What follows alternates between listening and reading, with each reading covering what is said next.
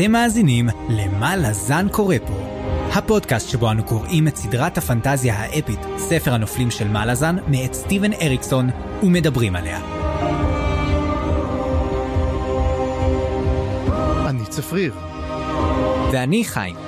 והיום פרק מספר 15, שבו נעסוק בפרקים 15 ו-16, ונתחיל את החלק הרביעי והאחרון, שערי בית המתים, בספר שערי בית המתים, הספר השני בסדרה. טוב, אה, יש לך משהו לומר לפני הפרק? אה, תשמע, יש לי הרגשה מאוד מאוד מוזרה לגבי הספר הזה, ואני אגיד לך למה אני מתכוון. אה, הרגשה שלי היא שמין, רגע, אנחנו בהתחלה של הספר כאילו, אבל קראנו כמה מאות עמודים, אנחנו כבר לקראת הסוף שלו. כאילו, יש הרגשה כאילו אנחנו קראנו ספר נורא נורא נורא ארוך, ועדיין זה ספר שאנחנו רק בהתחלה שלו, ממש הרגשה נורא נורא נורא מוזרה. וכל הזמן רק מעמיסים עלינו, אתה יודע, אתה חושב, אוקיי, עכשיו אני יודע מה הולך לקרות, לא, בוא תכירו את זה, זה חמש דמויות חדשות, בוא נראה את זה, אבל אני כן שמח שהרבה מהתיאוריות שלנו מתגשמות, כולל תיאוריה אחת שלך. כן, אז uh, נצלול עוד רגע לתוך הפרקים. Uh, כמובן שזה יהיה פחות עמוס מהפרק הקודם שכיסה ארבעה פרקים מהספר, הפעם אנחנו נכסה רק שניים, אבל הם פרקים קדושים, אז uh, נחזיק חזק ונצלול פנימה, אבל לפני כן, נדבר קצת על מה קרה בפרקים הקודמים. אז בפרקים הקודמים של מה לזן קורה פה, צללנו לתוך החלק השלישי של הספר עם דייקר שהתלווה לשרשרת הכלבים של קולטי. מצבם היה גרוע ובלי אוכל ומים הם המשיכו במסעם המסוכן לכיוון ארן. בדרך הותקפו על ידי שבטים טיטנסים והצליחו להדוף אותם בעזרת תכסיסים צבאיים וקסומים גם יחד. וכל אותה העת התקדמו לכיוון נהר הוואטה, שבו מחכים להם צבאו של קורבולודום לקרב ענקים עם קולטי.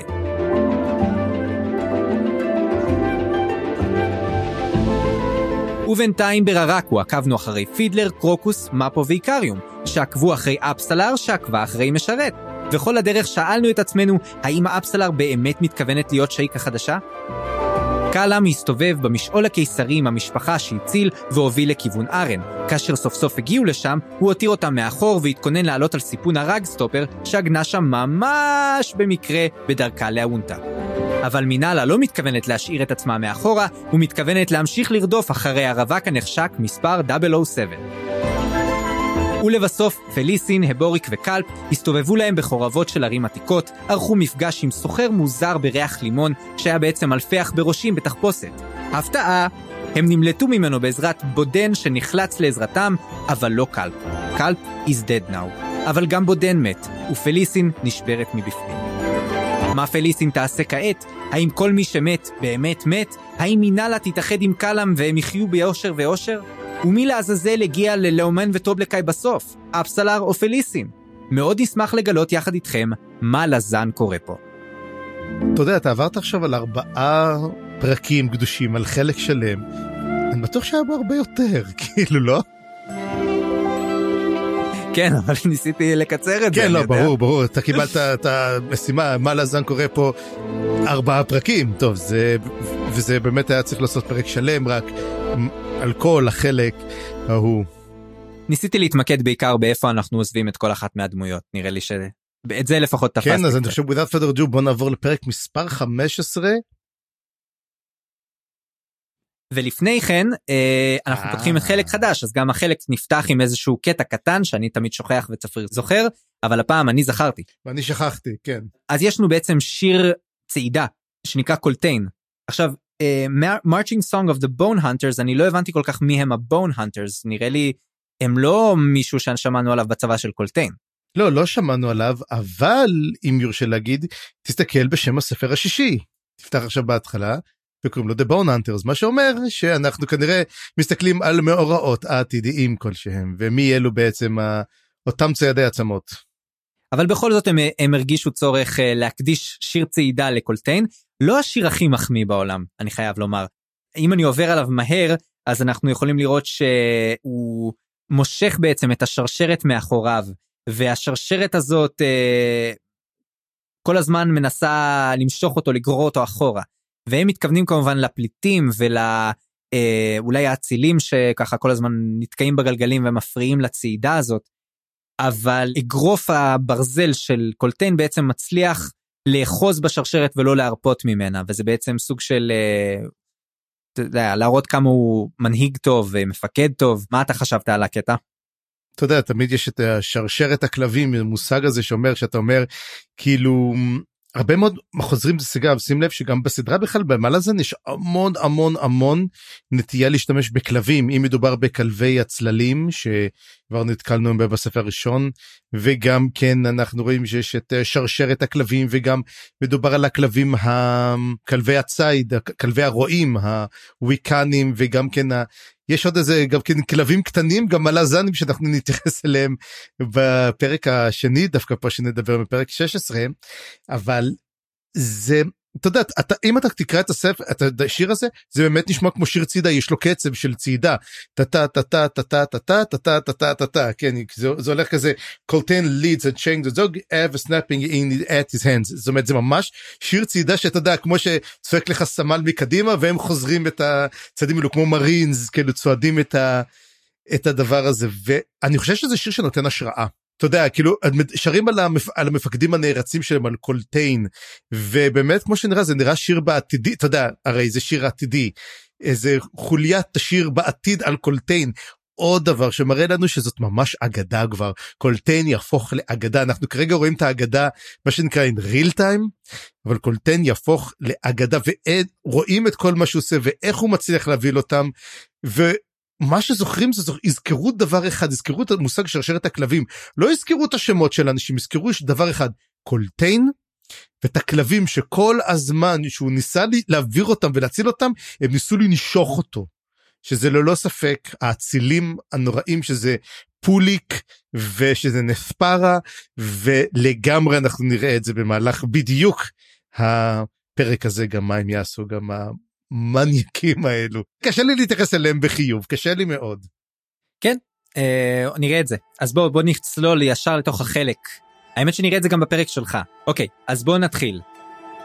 אנחנו מתחילים את פרק 15 עם אמירה קצרצרה של טניס ביול sayings of the fool שזה אחד מהכותבים האהובים עליי בתחילת הפרקים. Mm-hmm. והוא מתחיל בסוג של כזאת אה, אקסיומה A God walking mortal earth trails blood.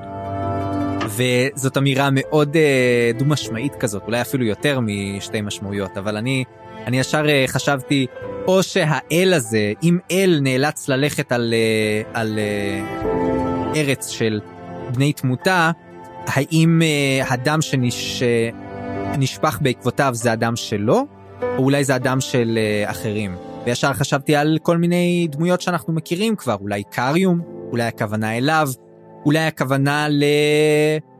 אני יודע, פנר שנאלץ להיגרר לתוך, ה... לתוך העולם ועכשיו אה, אולי הוא לא באיתנו. אני חושב על כל האסנדנס שאנחנו נתקלים בהם ולפעמים הם ככה ממש בהיסח הדעת גורמים למותם של כל כך הרבה אנשים. מה אתה חשבת, צפריר? אני הלכתי יותר עם הנושא השני, כן, תמיד אומר, אני ראיתי אותם שהם הולכים והם גוררים את עצמם ואתה יודע, ממש דממים כמו פנר, אני ראיתי את פנר ה... שנשלח, וגם כן האמרה ידועה תמיד גם כן שהבני תמותה הרבה יותר חזקים האלים, אילו רק האלים היו יודעים את זה, זה, זה בעצם הסוד הגדול, וזה מאוד מאוד, אה, לא אגיד, משעשע אבל uh, הרבה פעמים במהלך הספר הרבה מדברים על, על אמרותיו של השוטה זאת אומרת הוא מישהו שמאוד מאוד אוהבים לצוטט אותו אלו כאילו אתה זוכר מה טניס ביול אמר או אוי אמרתי עוד אחת מאמרותיו של השוטה זה כזה מין כמו uh, אתה יודע כמו אזופוס כזה כל מיני משלים שאוהבים לספר אותם. כן לגמרי אני חושב שזה מין דמות ספרותית מוכרת של השוטה שבעצם. האמרות שלו יוצאות חכמות כל הזמן ואני חושב שפעם אחרונה שדיברנו עליו זה היה איקריום ומאפו שדיברו עליו. אולי סקרל פוסט. כנראה. אוקיי אז אנחנו מתחילים את הפרק שלנו והפרק באמת מתחיל על סיפון האונייה אה, הספינה שדיברנו עליה פעם שעברה שאליה קלאם בעצם אה, עולה. והוא אה, נמצא שם ומדבר עם אחד המלאכים וזה מראה איך קלאם הוא לא רק כזה מתנקש בגלל היכולות הפיזיות שלו הוא גם יודע איך לדבר עם, ה... עם החבר'ה הוא יודע איך להיטמע המלאך בטוח שהוא אחד מהמלאכים החדשים או משהו כזה. אבל uh, מהר מאוד uh, קלאם uh, מראה שהוא לא באמת חלק מזה. והוא עולה לסיפון והוא נפגש עם uh, בן אדם מוזר מאוד שקוראים לו סלק אלן וזה בן אדם שכבר בפרק הקודם הקפטן שאותו קלאם פגש הזכיר את השם שלו והסלק אלן הזה לכאורה אמור להיות הבן אדם שגרם לקלאם בכלל להיות מוזמן לספינה. וכשאנחנו פוגשים את הסלקלן הזה הוא, הוא העלה לי כמה כל מיני מחשבות מוזרות כל מיני רעיונות למי זה יכול להיות אבל מהר מאוד סלקלן מסביר שהוא נשלח uh, להציל בעצם את קלאם על ידי אותו בן אדם ששנייה איך, איך הוא קרא לו? מברה. החבר שלנו מארליטן אומר. כן כן החבר מארליטן שזה היה מברה שאותו אה, קלאם בעצם ניער ונענע כדי לגבות את החוב הקודם שלו וממנו הוא לקח את הספר של דריז'נה שהוא הביא אחר כך לשאיק. וואי זה, זה מרגיש שזה קרה לפני כמה ספרים אבל זה קרה בספר הזה פשוט בפרקים הראשונים שלו. כן אגב אני רוצה שנזכור אה, אתה יודע תוך כדי ש... מה שאני אוהב גם כן בפודקאסט זה שכל פעם אני קורא את הספרים בדרך כלל יותר שומע אותם פעם ראשונה קורא אותם פעם שנייה בשביל להבין מה לכל הרוחות קרה פה מתעכב על נושאים ואז אנחנו מדברים וכשאנחנו מדברים פתאום אני אומר וואלה יש לי פתאום רעיונות ומתחילות אצלי תיאוריות אז על סלקלן פתאום התחלת לדבר ופתאום יש לי תיאוריה עליו אבל היא לא לעכשיו. היא תזכיר לי אני אגיד לך מתי אבל יש לי תיאוריה לגבי סלקלן ומי הוא סלקלן. כן ויש ביניהם שיחה לא כזאת פשוטה זאת אומרת זה נשמע כאילו הוא לא כזה מבסוט על זה שקלם שם אה, כאילו תחשוב על זה זה בן אדם ש, שבעצם גבו חוב בשבילו כאילו הכריחו אותו לקחת את קלאם בגלל שקלאם הכריח מישהו אחר כאילו לגבות את החוב שלו. אז יש פה סוג של כזה מי חייב למי והאם הוא באמת נאמן לקלאם האם הוא באמת שמח שהוא שם כנראה שלא.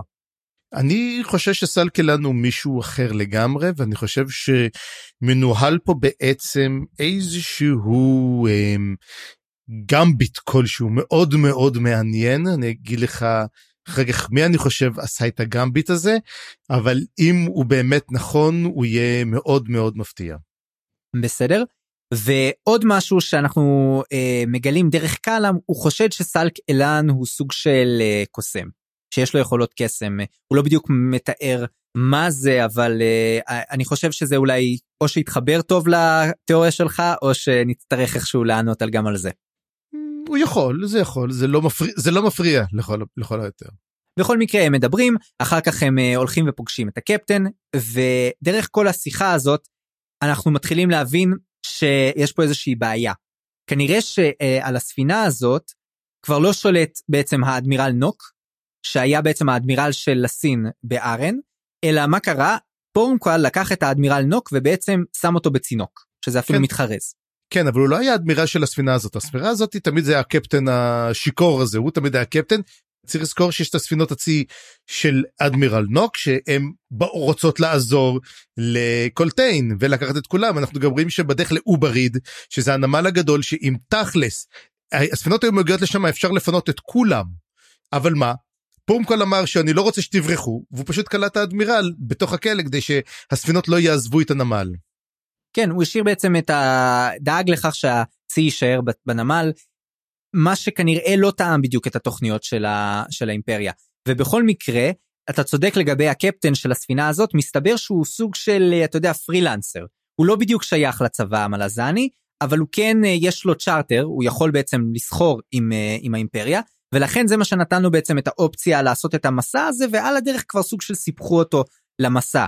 Uh, וכמובן כמו שגילינו כבר פעם שעברה הסיבה שהספינה הזאת יוצאת לאונטה זה בגלל שהם אמורים לקחת את הגזבר או את האחראי על הכספים אני יודע של, של האימפריה חזרה לאונטה. ואז נשאלת השאלה וזה כבר מאוד מעניין למה דווקא על הספינה הזאת כי הרי אנחנו יודעים שזאת לא הספינה היחידה שיוצאת.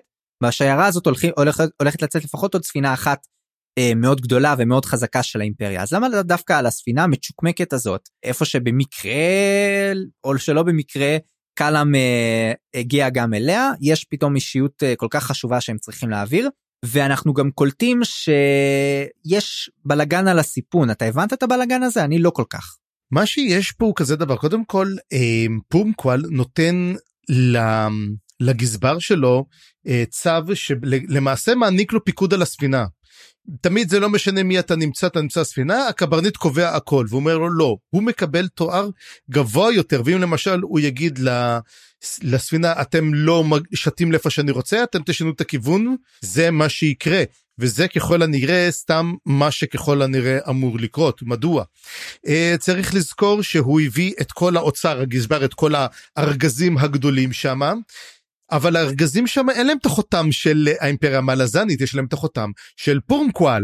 זאת אומרת, האוצר הזה שייך לפורמקואל, פורמקואל עשה וואחד מעילה פה. לקח אותם, לקח בעצם את העוזר הזה שלו, את אותו, אני לא, אני לא חושב שאפילו אמרו את השם שלו, של הגזבר. אמרו אותו? לא, לדעתי לא. לא. אז הם אומרים לו, הם לוקחים אותו, וכאילו הגזבר מאוד מתעצבן, אומר לו, מה אתה ירד, לסל קילן, סל קילן מעלה את זה, אומר לו, מה אתה ירדת למטה והסתכלת על זה? הוא אומר, תשמע, אני נמצא בספינה ומסתכל, ומה שקורה יכול להיות שבאמצע, פורמקואל יגיד לספינות, לשתי הספינות דרך אגב, גם הספינה השנייה שהיא יוצאת, אנחנו נראה אחר כך גם כן מה יש על הספינות האלו, ובעצם יסיט אותם למקום אחר, הוא לא יגיע לאונטה עם הספינות האלו לעולם. המטרה שלו זה לחתוך לאיזשהו מקום אחר, לאיזה אי כלשהו אולי שהוא קנה, או רוצה להשתלט עליו, ולחיות כשליט מקומי עם כל האוצר הזה שהוא אסף עם כל הדברים ולחסל את המלאכים ולחסל את כולם זאת אה, לגמרי טענה ויש סיכוי דרך אגב אם אני חושב על זה עכשיו שלסין אפילו שמה את אה, כלם שם בספינה כדי לעצור או אתה יודע כי אי אפשר לסמוך על פומקוואל עצמו. כן אני חושב שהג'וקר הכי גדול בספינה זה הסלקלן הזה אבל גם הקפטן אני חושב שזה מאוד מעניין לראות איך הם מתנ... התנהגו עם כל המורכבות המעניינת הזאת וגם קאלאם אני אני חושב שלקאלאם אה, יהיה מה להגיד אם אה, יהיו פה שינויים רציניים. כן. אוקיי ואנחנו כמובן מיד אחרי זה בביט מאוד קצר עוברים למינאלה. ומינאלה אה, עוקבת אחרי קאלאם והיא לא פריירית היא רואה שהיא לא מצליחה להגיע לרג סטופר אז מה היא עושה? היא עולה על אחת הספינות האחרות והיא בעצם מתחזה בעצם יחד עם כל הסוסים של פורמקואל היא נכנסת יחד עם הסוס של קאלאם ובעצם מסתווה בתור אה, אה, אחת מהמטפלים של הסוסים. וככה היא בעצם מתכוונת איכשהו לעקוב אחרי קאלאם ואולי מתישהו גם להתאחד איתו. כן. אמ, תזכיר לי רק כי אני חושב אני יש לי פה קצת דברים מבולבלים כל הסיפור הזה שיש את שתי הספינות שרודפות אחריהן זה כבר פה נכון? אה, תגדיר רודפות. יש שתי ספינות של פיראטים שרודפות אחרי הספינה הראשית. הם מזהים את זה, ואז הקברניט אומר, אנחנו, מה הולכים לעשות איתם? הרי יש להם ויכוח מאוד מאוד גדול. הם באים ואומרים, אוקיי, יש לנו אה, ספינה, שתי ספינות שרודפות אחרינו, מה הולכים לעשות? הם יושבים על השולחן של הקברניט. ואז אומר, ואז אומר הקברניט, הולכים לתקוף אותם. אז הוא אומר לו, תגיד לי, מה, אתה בסדר? אנחנו הולכים לתקוף אותם עכשיו? הוא אומר, כן. אומר לו, אבל אני פה השליט, אני פה זה שיגיד, אומר לו, אתה, אתה יכול להגיד מה שאתה רוצה אני הולך לתקוף אותן ואני הולך לתקוף אותה חזק. אני לפי מה שהייתי הם, הם, הם לא חוזרים פה פשוט יש לי כל דבר מסומן לפי הדבר הזה כאילו אבל אה, כן זה כנראה זה זה כנראה היה פה זה כנראה מה שלא הבנת על מה היה הריב ביניהם. הריב ביניהם שיש שתי ספינות שנמצאות במעקב אחריהן שתי ספינות לא שורות לספינה של מינאלה. אה, כן יכול להיות אני לא שמתי לב לזה יכול להיות שלא קראתי את זה ב... קראתי את זה האמת די באטרף אבל בסדר. בסטד. לא אין בסטד זה פשוט uh, תשמע הפרקים האלו יש בהם משהו לא יודע ברגע של החלק הרביעי אתה מרגיש את הכובד של כל הסיפור על הכתפיים למה כי פתאום הם עושים דברים קטנים אתה צריך לזכור מה קרה כאילו סלק אלן זה ממברה אתה אמרת. נתקלנו בו חושב פרק ראשון השני או משהו כזה בכלל שמענו עליהם. עברו כל כך הרבה דברים ובכלל הפרק השני שאני אה, בפרק 16 כמה דברים שם לא מובנים. אני יושב ואומר אוקיי אוקיי אוקיי ואז אני עובר קדימה אוקיי רגע לא ואני כותב רגע זה לא הגיוני לי. אז זה זה הרבה דברים לא מובנים וכן אני מקווה שבאמת אה, האמת אני חייב להגיד שבפרק הזה אני מאוד מאוד מחבב את הקפטן הוא קפטן מין. אתה יודע מין קל, מקלל וזה ועושה המון בלאגנים אבל הוא יודע משהו והוא הוא סתם חושבים שהוא ככה הוא הרבה יותר חכם ממה שחושבים. לגמרי.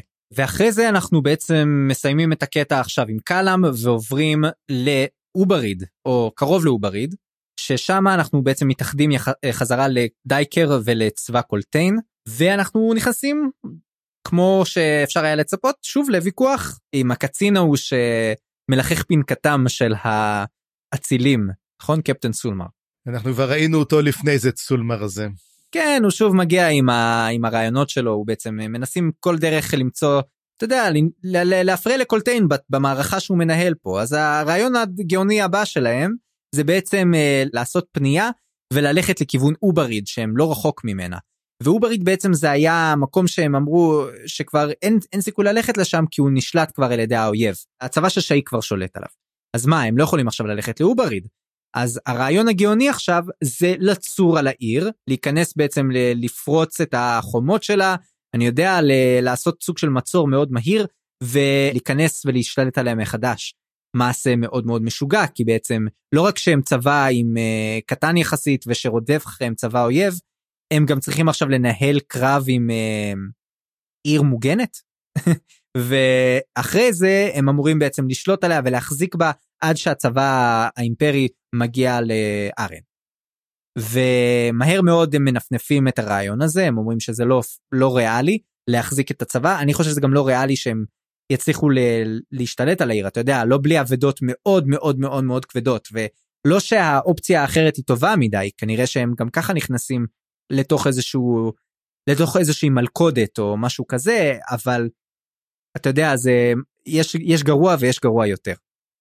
אתה יודע שאני חשבתי בהתחלה על התוכנית היא לא נראית רעה כל כך. כי מה שגם באמת יפה שאריקסון גם מסביר אחר כך למה התוכנית הזאת לא טובה הוא נושא את זה בצורה מתוחכמת אבל בעיקרון אובריד היא עיר מבוצרת והם כן יכולים להתבצר שם והם כן יכולים להגן עליה וגם היא הייתה נכונה אם באמת נוק היה מסוגל להביא תגבורת זאת אומרת או להבריח אותם משם זו הייתה נקודה שהם מגיעים לשם משתלטים על העיר יכולים להגן עליה יחסית טוב במשך נגיד חודש אולי ולברוח דבר שני יש שם אספקה. כלומר הם כרגע בלי אספקה. הם הולכים מלקטים את מה שיש מהשטח כולם ברעב אם לא טועה גם מתחילים לדבר שהם גם כן הורידו להם את המנות עוד יותר דרך אגב. וככה זה מתחיל בעצם והם אומרים כמה כבר אפשר להוריד? אז בעצם אומר כאילו סולמר בא ל... אהבתי את זה שהוא סולמר בא לדייקר אומר לו נו מה אתה חושב על זה? ואז דייקר באמת נותן ניתוח אסטרטגי שבאמת על העיר הם יוכלו להגן עליה יום יומיים הצבא של, כל... של אה, קורבולו דום הרבה יותר גדול הוא יקרא אותם לגזרים הם לא יהיה להם לאיפה לברוח הם יהיו תקועים מצד אחד ומצד שני ים אין להם מה לעשות הם משחקים לידיים של האויב ואז ישוב אז אומר בולט אולי נשאל את הכלב אם אתה רוצה אתה רוצה עוד דעה קולטן אתה רוצה עוד דעה? יש לנו כלב פה. בוא בוא נשאל גם אותו כאילו מה מה מה מה הדעה כאילו וזאת השאלה בעצם. חלק אומרים שהצבא המלזני הוא הכי חזק למה? כי הוא מקבל את הדעות כמו למשל הדעה של סולמר שזו דעה דוגרי לגיטימית אבל קולטן אומר זה לא דמוקרטיה פה זה דיקטטורה לחלוטין אני זה שקובע וזה שעושה וזה די נגד כל מהות הצבא המלזני פה אבל מה שכן מצחיק הוא צודק. וזה נכון מה שהוא עושה זאת אומרת לא צריך לתת uh, פתרון פה לפתחון פה לדעות אחרות. אני חושב שזה נכון כל עוד רואים שאין איזשהו מניע מאוד מאוד ברור שהוא ulterior motive שהוא מניע לא כשר. כשסולמר ברור שהוא נשלט פה על ידי דעותיהם של המועצה האצילים האלה שקשה מאוד להגיד שהם מבינים יותר מדי מבחינה אסטרטגית. בטוח שלא יותר מקולטיין. וקולטיין יודע שהוא צריך לעשות מה שהוא צריך לעשות כדי להציל את כולם. אז זה מה שהוא עושה. כן צריך לזכור גם סולמר הוא אציל. זה הדבר שצריך לזכור את הכי מכל. סולמר הוא אציל שקיבל את הדבר הזה. גם כתוב שם גם קל גם הוא אומר שהדבר החכם ביותר שעשה קלנבד זה שהוא בעצם חיסל את כל האצילים שלא יוכלו להתגייס. הצבא הוא צבא העם. הוא לא צבא של קצינים שאומרים לעם מה לעשות ומנותקים ממנו לחלוטין. ואז הוא אומר אולי הגיע הזמן בעצם לעשות uh, טיהור שני. ואנחנו רואים את זה גם כן על ידי פארן. פארן הוא גם כן אציל שקיבל uh, תפקיד uh, גבוה מאוד. ולעומת זאת וויסקי ג'ק מה היה? היה בן של בנאי פידלר. לא גם כן היה גם כן בנאי היה יתום שעבד במכרה. אבל לסין לעומת זאת כן מסתמכת זה היא לוקחת מהאצולה את הקצינים. למשל תבורה עכשיו הסגנית שלה לגמרי בת אצולה מה שמראה שבעצם לסין עשתה פה את ההפך ממה שעושה קלנבד היא כן הכניסה חזרה את הקצינים לעמדות כוח. אה, למה כדי להבטיח את הנאמנות שלהם. אוקיי okay, אז אנחנו בעצם ממשיכים יחד עם דייקר שהולך יחד עם לל אחורה אנחנו מקבלים קצת יותר על לאל שאתה יודע בפרק הזה הוא היה הרגיש לי שמשהו בו קצת נראה יותר אנושי.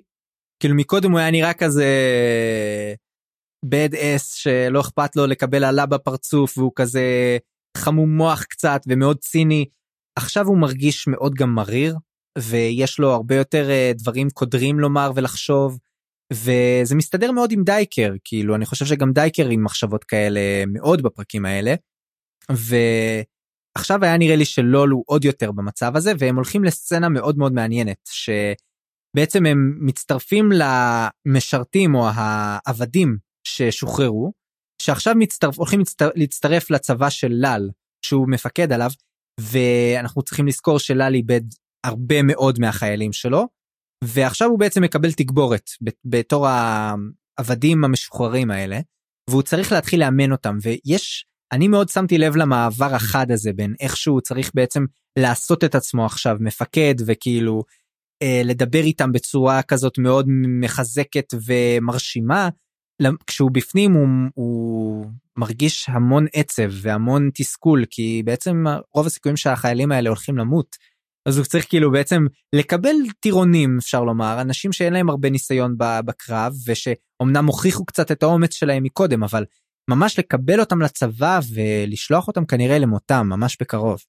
כן הסיפור באמת על העבדים שבאמת קולטיין קנה אותם והם הביאו את הכסף בחזרה הם באו אמרו רצו לקנות אותם בחזרה ואומר להם מצוין כבר חיילים הם, אתם לא יכולים לקנות אותם בחזרה עוד איזה יריקה בפנים של האצילים אבל אמ, באמת צריך לזכור את זה שהם נמצאים כבר כמה חודשים טובים במסע הזה ואף אחד לא באמת מאמין שהם יצליחו. מנס...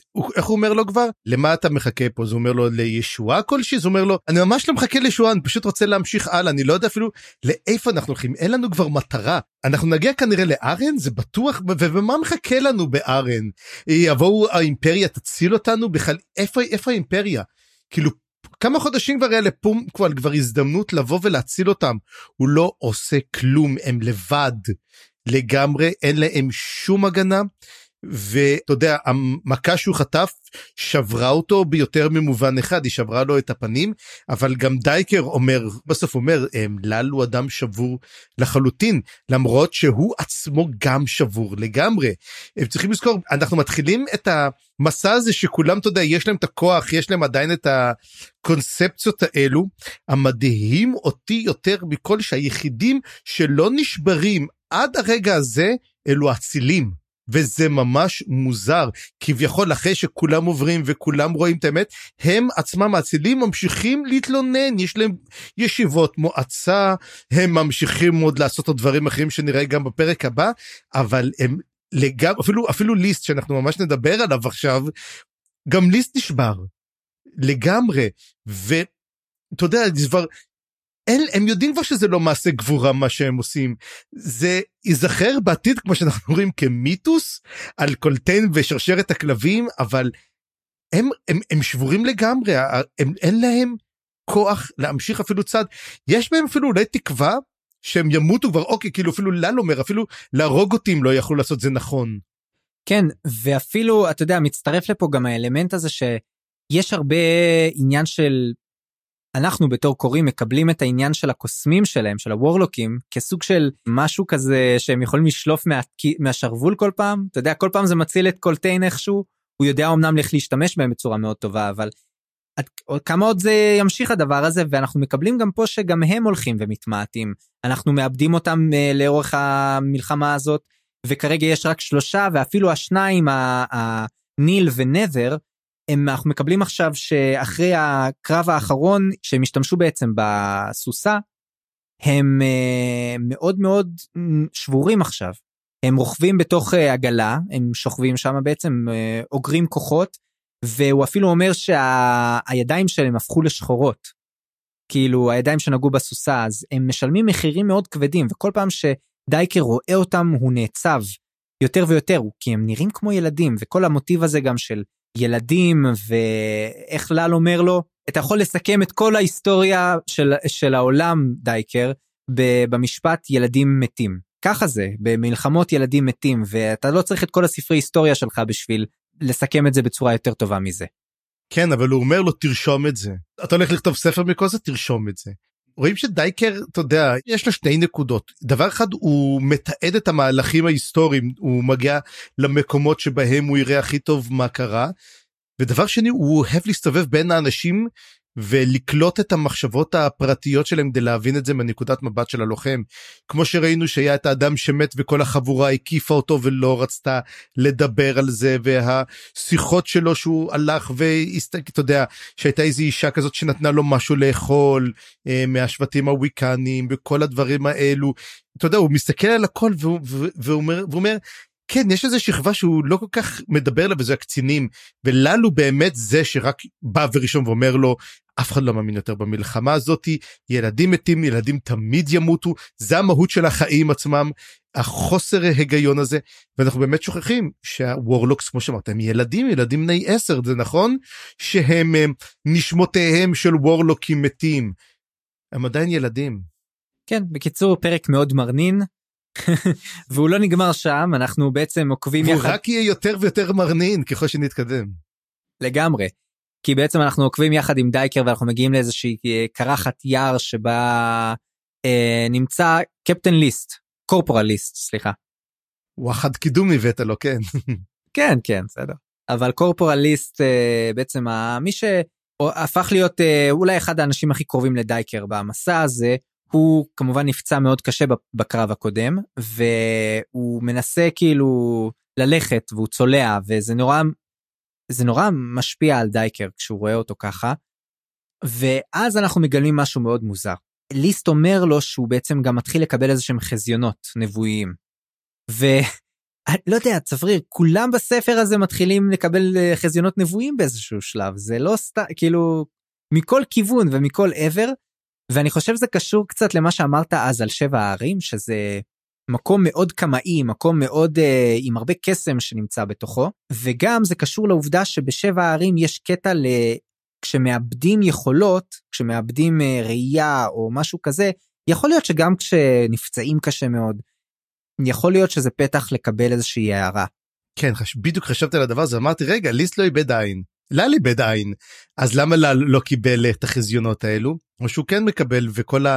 אולי כן יש לו ופשוט הוא בגלל זה הוא נשבר כי הוא רואה סוף לא טוב ככל הנראה. שזאת יכולה להיות הסיבה ליסט לעומת זאת הוא לא נפצע קשה צריך לזכור את זה ליסט דרך על, על, על חוד של חנית שבצבצה מהקרקע. זה כל מה שקרה לו. הוא עשה צעד לא טוב דרך הלכות של חנית אבל מה קרה? זה הזדהם. וזאת אה, אתה יודע זה מין פציעות כאלו מוזרות. הוא דרך וזה אמר שזה פגע לו בין הבוין לבין האצבע הראשונה ברגל. וזה חתך אותו וזה הזדהם וזה ניסו לעשות לו איך קוראים לזה ריפוי כלשהו אני לא חושב שאפילו נתנו לו ריפוי. והוא קדח המון המון זמן הוא ממש על סף מוות בגלל אותו זיהום והוא התאושש מזה אבל הוא חזר עם, עם החזיונות ואגב החזיונות האלו יש להם סיבה שהוא מקבל את החזיונות וצריך לזכור את זה שהוא אומר שמה שהוא רואה הוא רואה את היד שזאת יד שיש לה יותר מדי פרקים הוא אומר זה לא יד עם שלושה פרקים כמו שאמור להיות יש לה יותר. ואז דייקר אומר הופה רגע בוא נחכה כי הוא יודע שיש יצור שיש לו יותר משלושה פרקים וזה ג'גהותים. אנחנו יודעים שהג'גותים חיו שם ויודעים שגם כן הטלן אימאס חיו זה כנראה המלחמות הגדולות אותן מלחמות שאנחנו מדברים כל הזמן הם מלחמות הג'גותים התרחשו בשבע ערים. והנה אתה יודע אתה אומר משהו ופתאום אתה יודע מדברים עולה לי עוד רעיון כזה אתה יודע עוד רעיון ואני רוצה לתת רגע איזה side quest כזה ואני רוצה לדבר על איקריום אנחנו נדבר על איקריום יותר מאוחר אבל מה אם איקריום הרי אנחנו יודעים שהוא ג'אג שהוא חצי ג'אג חצי לא ידוע מה אנחנו יודעים שהוא חצי ג'גות מה אם ג'אג הם האיקריום הוא למעשה כמו מעין כלי נשק של הג'גותים כנגד הטלן אימאס. מה אם המלחמות הנוראיות כל הרצח שבעצם איקריום הוא כמו מכונה של הג'גותים בגלל זה הוא מוצא איזושהי נחמה במכונות במנגנונים שעובדים על פי סדר כי הוא מכונה שבורה. וכל פעם שיש בעצם באו לחסל את הטלן אימאס שלחו אותו לחסל את הטלן אימאס בגלל זה היו את המלחמות הנוראות האלו אבל פשוט איקריום נשבר והוא ממשיך לפעול על פי אותו דבר מטורף שקיים ואותם nameless שאנחנו מדברים הם ג'גהותים, שלמעשה כל הזמן מנסים לשלוח איזה שהם טרלים, אנשים די פרימיטיביים למראה אנחנו רואים אותם, כדי לעצור את אותו, אה, אותה מכונה, אותו כלי נשק שהם יצרו, שהם לא יודעים איך לסגור אותו. ו... אנחנו מדברים הרי על כל המלחמות הנוראות האלו ועכשיו למה הג'גהות הזה יוצר קשר עם ליסט אני אתן לך פה עכשיו טוויסט קטן למה הוא עושה את זה? הוא יראה לו לאט לאט את כל מה שקורה על איקריום מתחיל לראות דברים. מה אם ה nameless אותם nameless שאני אומר אולי הם ג'גהותים מבינים שמאפו נגמר? אנחנו רואים בפרקים שמאפו במיוחד בפרק 16 מאפו לא יכול יותר לעבוד? מאפו צריך לצאת לשבתון או אפילו הוא לא מסוגל יותר לתפקד? מה אם הם מכינים את ליסט להיות המאפו הבא. הרי אנחנו רואים שהוא מין כמו חבר טוב של דייקר הוא בן לוויה מצוין הם מזהים את היכולת הזאת בו ולכן כשרואים שהם לא מצליחים לעשות את זה הם כבר מארגנים משהו חדש מחליף יכול להיות שליסט יהיה בעצם מפו 2 או 30 לפי התיאוריות הקודמות שלי. אז אה, חשבתי שעשית ככה אמרתי אוי יש לך תיאוריה נוספת על התיאוריה שלי. לא התיאוריה שלך מאוד מעניינת אני נשמע לי קצת farfetched אבל אתה יודע כבר ראינו דברים יותר מוזרים מזה. אני הכי אוהב את התיאוריות הכי מוזרות שיש כי תשמע יש לך פה תראה מה שיש לאריקסון שזה וגם עשה את זה גם רוברט ג'ורדן בצורה טובה וגם ברדון סדרסון עושה את זה יפה הם יש להם קרקע יש להם ארגז חול ענק. ואתה יכול הכל להרכיב עם הכל אתה יודע הכל מסתדר עם הכל הכל יכול להיות הגיוני כי הם, הוא מראה לך את הנקודות ואתה יכול לטוס עם זה לאיפה שאתה רוצה ו... תשמע זה לא כזה farfetched סליחה אגב אני לא זוכר מה היו החזיונות שלו הוא כן ראה חזיון. היה קשור למקום שהם הולכים אליו אז הוא ראה חזיון לגביו שהמקום הוא כאילו קשור לאיזשהו עוול ענקי שנעשה שם איזה משהו אולי מזוויע אולי עוד רע. כן זה זה מופיע הרבה יותר בפרק 16 אני אתן תיאוריה על זה גם כן. בסדר גמור אז לא נתעכב על זה יותר מדי עכשיו. בכל מקרה ברגע שדייקר שומע את זה הוא, הוא מבקש ממנו שיפרט יפרט נא אדוני. וככה אנחנו מסיימים את החלק הזה ואנחנו עוברים לררקו. ובררקו אנחנו מקבלים תשובה לשאלה הגדולה שסיימנו איתה בעצם את הפרק הקודם של הפודקאסט. ומסתבר שצפריר צדק. בעצם מי הגיע אז ללאומן וטובלקאי לא אחרת מאשר פליסין ובוריק. מה קרה לאפסלר? אולי נגלה בהמשך. אבל פליסין היא זאת שהגיעה בעצם ואנחנו מקבלים סצנה מאוד מאוד מעניינת. היא בעצם נמצאת בסוג של מצב מאוד מוזר, היא באמת שבורה. היא שבורה אחרי מותם של אה, קלפ ובודן. היא גם חוותה את המוות של קלפ בצורה מאוד גרפית שאני לא אה, לא קלטנו את זה מהטקסט כל כך אבל היא ממש ראתה איך העכברושים אוכלים אותו וזה היה ממש מזעזע בשבילה וגם בודן שממש נשרף ויש לי תיאוריה קטנה על בודן שאני מתחיל לחשוב שהוא לא מת. לך על זה. או, או. אה, אתה זוכר שאני אמרתי שום דבר אף אחד לא מת. no one כן, ever dies. כן אבל אתה יודע אני לא חשבתי על זה בפרק הזה אני פתאום חשבתי על זה בפרק הבא אז כשנגיע לפרק שלך נדבר על זה. אבל יש אוקיי. סיכוי קטן שהוא לא מת. בכל אוקיי. מקרה אבל היא חווה את המוות של שניהם בצורה מאוד מאוד קשה והיא מתחילה להבין שבעצם היא הגיעה לפה עכשיו והיא נמצאת עם אה, הבוריק שם ואני חושב שהיא הבינה טוב מאוד לאן היא הגיעה. היא מבינה את כל הקטע הזה של שאיק ושל אה, ושל לאומן וטובלקאי שמחכים למישהי ש, שתחליף אותה שתהיה שאיק ריבורן. אני היה לי קצת טיפ טיפה קשה עם כל הקטע הזה כאילו מאיפה היא יודעת מהמם. את הדברים האלה. מאיפה היא פתאום אה, ככה מתג... מגלה את הסיפור הזה. אני חושב שהיא דיברה על זה עם קלפ ובוריק מתישהו אבל אבל זה נראה לי קצת מוזר שהיא כאילו נכנסה לעניינים כל כך מהר. יש לך פתרון לבעיה הזאת? יש סיב... תראה, אמ, בפרק הבא קצת אנחנו יותר מקבלים תשובה מאיפה היא יודעת את זה, וכמו השאלה האם הזיכרונות הם שלה או לא רק שלה. כן. אבל מה שכן היא מהר מאוד נכנסת לנעליים פה למורת רוחו של לבוריק והסיבה מתגלה פה בעיקר בצורה של נקמה. היא אומרת לעצמה אני רוצה להשתלט על הקטע פה בשביל סיבה אחת. ברגע שהמהפכה הזאת תיכנס לשלב הבא, האימפריה תיאלץ לשלוח לפה את הצבא שלה, ובראש מי יעמוד הצבא של האימפריה? בראשה של תבורה. ואני אפגוש את תבורה, ואני אה, אלחם בה, ואני חושב שהיא רוצה לפגוש את תבורה לא סתם, לא, היי אחות, חשבת שהרג, שהרגת אותי או נפטרת ממני, הנה אני פה. כמובן שאנחנו יודעים שהיא לא ממש רצתה להרוג אותה, אבל לפליסין זה לא משנה, מבחינת פליסין יש פה עילה לנקמה. אבל עדיין, אני חושב שפליסין רוצה לעמוד בראש צבא משלה, כאילו היא רוצה לפגוש את אחותה בסטטוס דומה, אם לא יותר גדול. תראה, זו תוכנית קצת משוגעת, אבל, אבל וואלה, היא נשמעת לי אמיתית, כאילו זה נשמע לי כאילו באמת פליסין יכולה לחשוב דבר כזה. אבל אתה צודק, יש פה גם דברים מתחת לפני השטח שנגלה בפרק הבא, אז, אז נגיע לשם ונדבר עליהם. בכל מקרה, מתחיל פה גם בפרק הזה מין הם, ריב מוזר אה, ומערכת אה, יחסים מאוד טעונה בין הבוריק ולאומן וטובלקאי, ובמיוחד עם טובלקאי. אפילו הם מגיעים כמעט למצב שהם רוצים לרצוח אחד את השני. טובלקאי אומר לו, פעם הבאה שאני, שאני אפתח את הפה זה יהיה כשאני רוצח אותך. ואז הוא בעצם סוג של נודר לא לדבר איתו יותר, אלא אם כן באמת בשביל לרצוח אותו. אז יש פה באמת סוג של ממש, אני חושב שאנחנו רואים את זה לא פעם אצל אריקסון, הוא, הוא בונה כאלה מין מערכות יחסים מאוד טעונות, ראינו את זה מקודם עם בוריק בודן ופליסין, ו... תמיד זה פליסין כאילו נכנסת לתוך הקלחת הזאת. היא עושה מצב רוח טוב מסביב לכולם היא כזאת השפעה טובה כזאת. כן אבל נראה לי זה גם קשור לעובדה שהם נמצאים בסוג של אתה יודע אנחנו לא יודעים כלום על הדמויות האלה על לאובן וטובלקאי אנחנו מתחילים לאט לאט לגלות דברים הבוריק רואה יותר ממה שאנחנו רואים כי יש לו את, עדיין את הירייה המיוחדת הזאת אגב אני חושב שאפשר כבר לה, להכריע סופית שהוא עיוור לגמרי כאילו העיניים כן. שלו לא יחזרו כבר הוא עיוור ואין לו ידיים אבל בעצם יש לו ידיים ויש לו עיניים פשוט uh, קסומות ומיוחדות. כן מסכים לגמרי. ואנחנו גם מתחילים להבין שיש פה הם הם מגיעים לאיזשהו מחנה ושם הם בעצם הם עוקבים אחרי סוג של שביל ישראל כזה שיש בו הטמנות של מים ואוכל ובעצם כל הדרך לכיוון של מחנה שאיק שנמצא בנווה מדבר.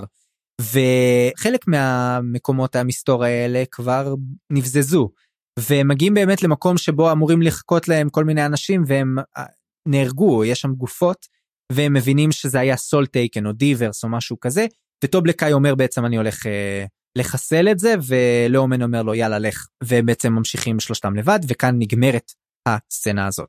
כן אוהב את הקטע שטובלקאי כזה אומר טוב אז אני הולך להרוג אותו כאילו זה soletaken זה או d'iver זה מה שזה ואז הוא אומר נו אני הולך להרוג אותו ביי כאילו סיימנו וכזה אתה אומר לעצמך הוא כזה מין תשמעו אני חושב שאמרו את זה כבר שהוא נורא נורא צעיר. אני חושב שאמרו פעם שהוא בן 17 או משהו כזה או הוא ממש ממש ילד וכזה מין אתה יודע אתה תדבר איתי פעם שאני פותח את הפה זה כדי להגיד שאני הורג אותך. וזה כזה מין מסתכלים עליו כזה קצת אתה יודע מין אתה חי בסרט כזה באמת הוא חי בסרט אבל הוא לא בדיוק חי בסרט הוא כי אנחנו נראה גם כן מה עלה בגורלו פרק הבא של אותו טובלקאי. וגם כן מעניין אותי למה הפנים שלו מקועקעות בצורה של uh, זכוכית שבורה? כאילו הפנים שלו נשברו מאוד מאוד מעניין לדעת בכלל מי זה הטובלקאי הזה מי זה לאומן לאומן הזה הוא גם כן אדם מאוד לא אדם מבוגר בן 40 פלוס כזה אבל כאילו מה הוא עשה שם איך הוא הגיע אתה יודע עכשיו אתה מבין למה זה עשרה ספרים כי יש כל כך הרבה אופציות לספר על כל פעם מעלים לך דמות ואתה אומר אפשר עליה לכתוב ספר. טובלקאי אבל בינתיים הוא כמה שהוא כזה מין בריון וזהו חביב עליי. כן הוא מאוד ישיר והוא מאוד אה, אנחנו נראה בהמשך הוא גם מאוד אמין. לעומת לאומן. לאומן הוא הדמות הערמומית פה יותר ואנחנו נגלה גם עליו קצת. בכל מקרה אנחנו נמשיך הלאה ואנחנו לא, לא רחוק מדי משם בעצם עם פידלר קרוקוס ומאפו ואיקריום שמגיעים בעצם למקום מאוד אה, דומה המזח הזה ש, שעל על חורבות של עיר עתיקה. כן מזח עתיק חורבות של עיר עתיקה.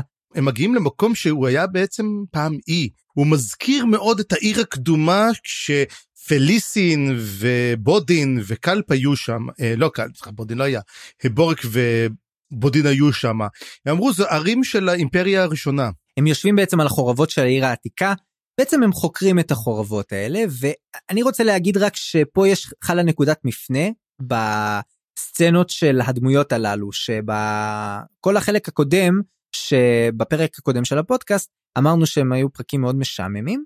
עכשיו אנחנו פתאום מתחילים לצבור תאוצה ולגלות המון דברים ואתה יודע לקבל כל מיני אה, פיסות מידע שהיו חסרות לנו ואולי להתחיל להבין מה הפשר של ההכלאה המוזרה הזאת של העלילה של איקריום ומאפו והחבר'ה האחרים.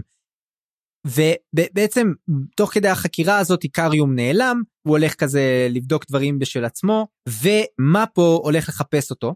ואז הם מגלים בעצם שהם נמצאים בתוך מקום כזה בין שבעה כסים.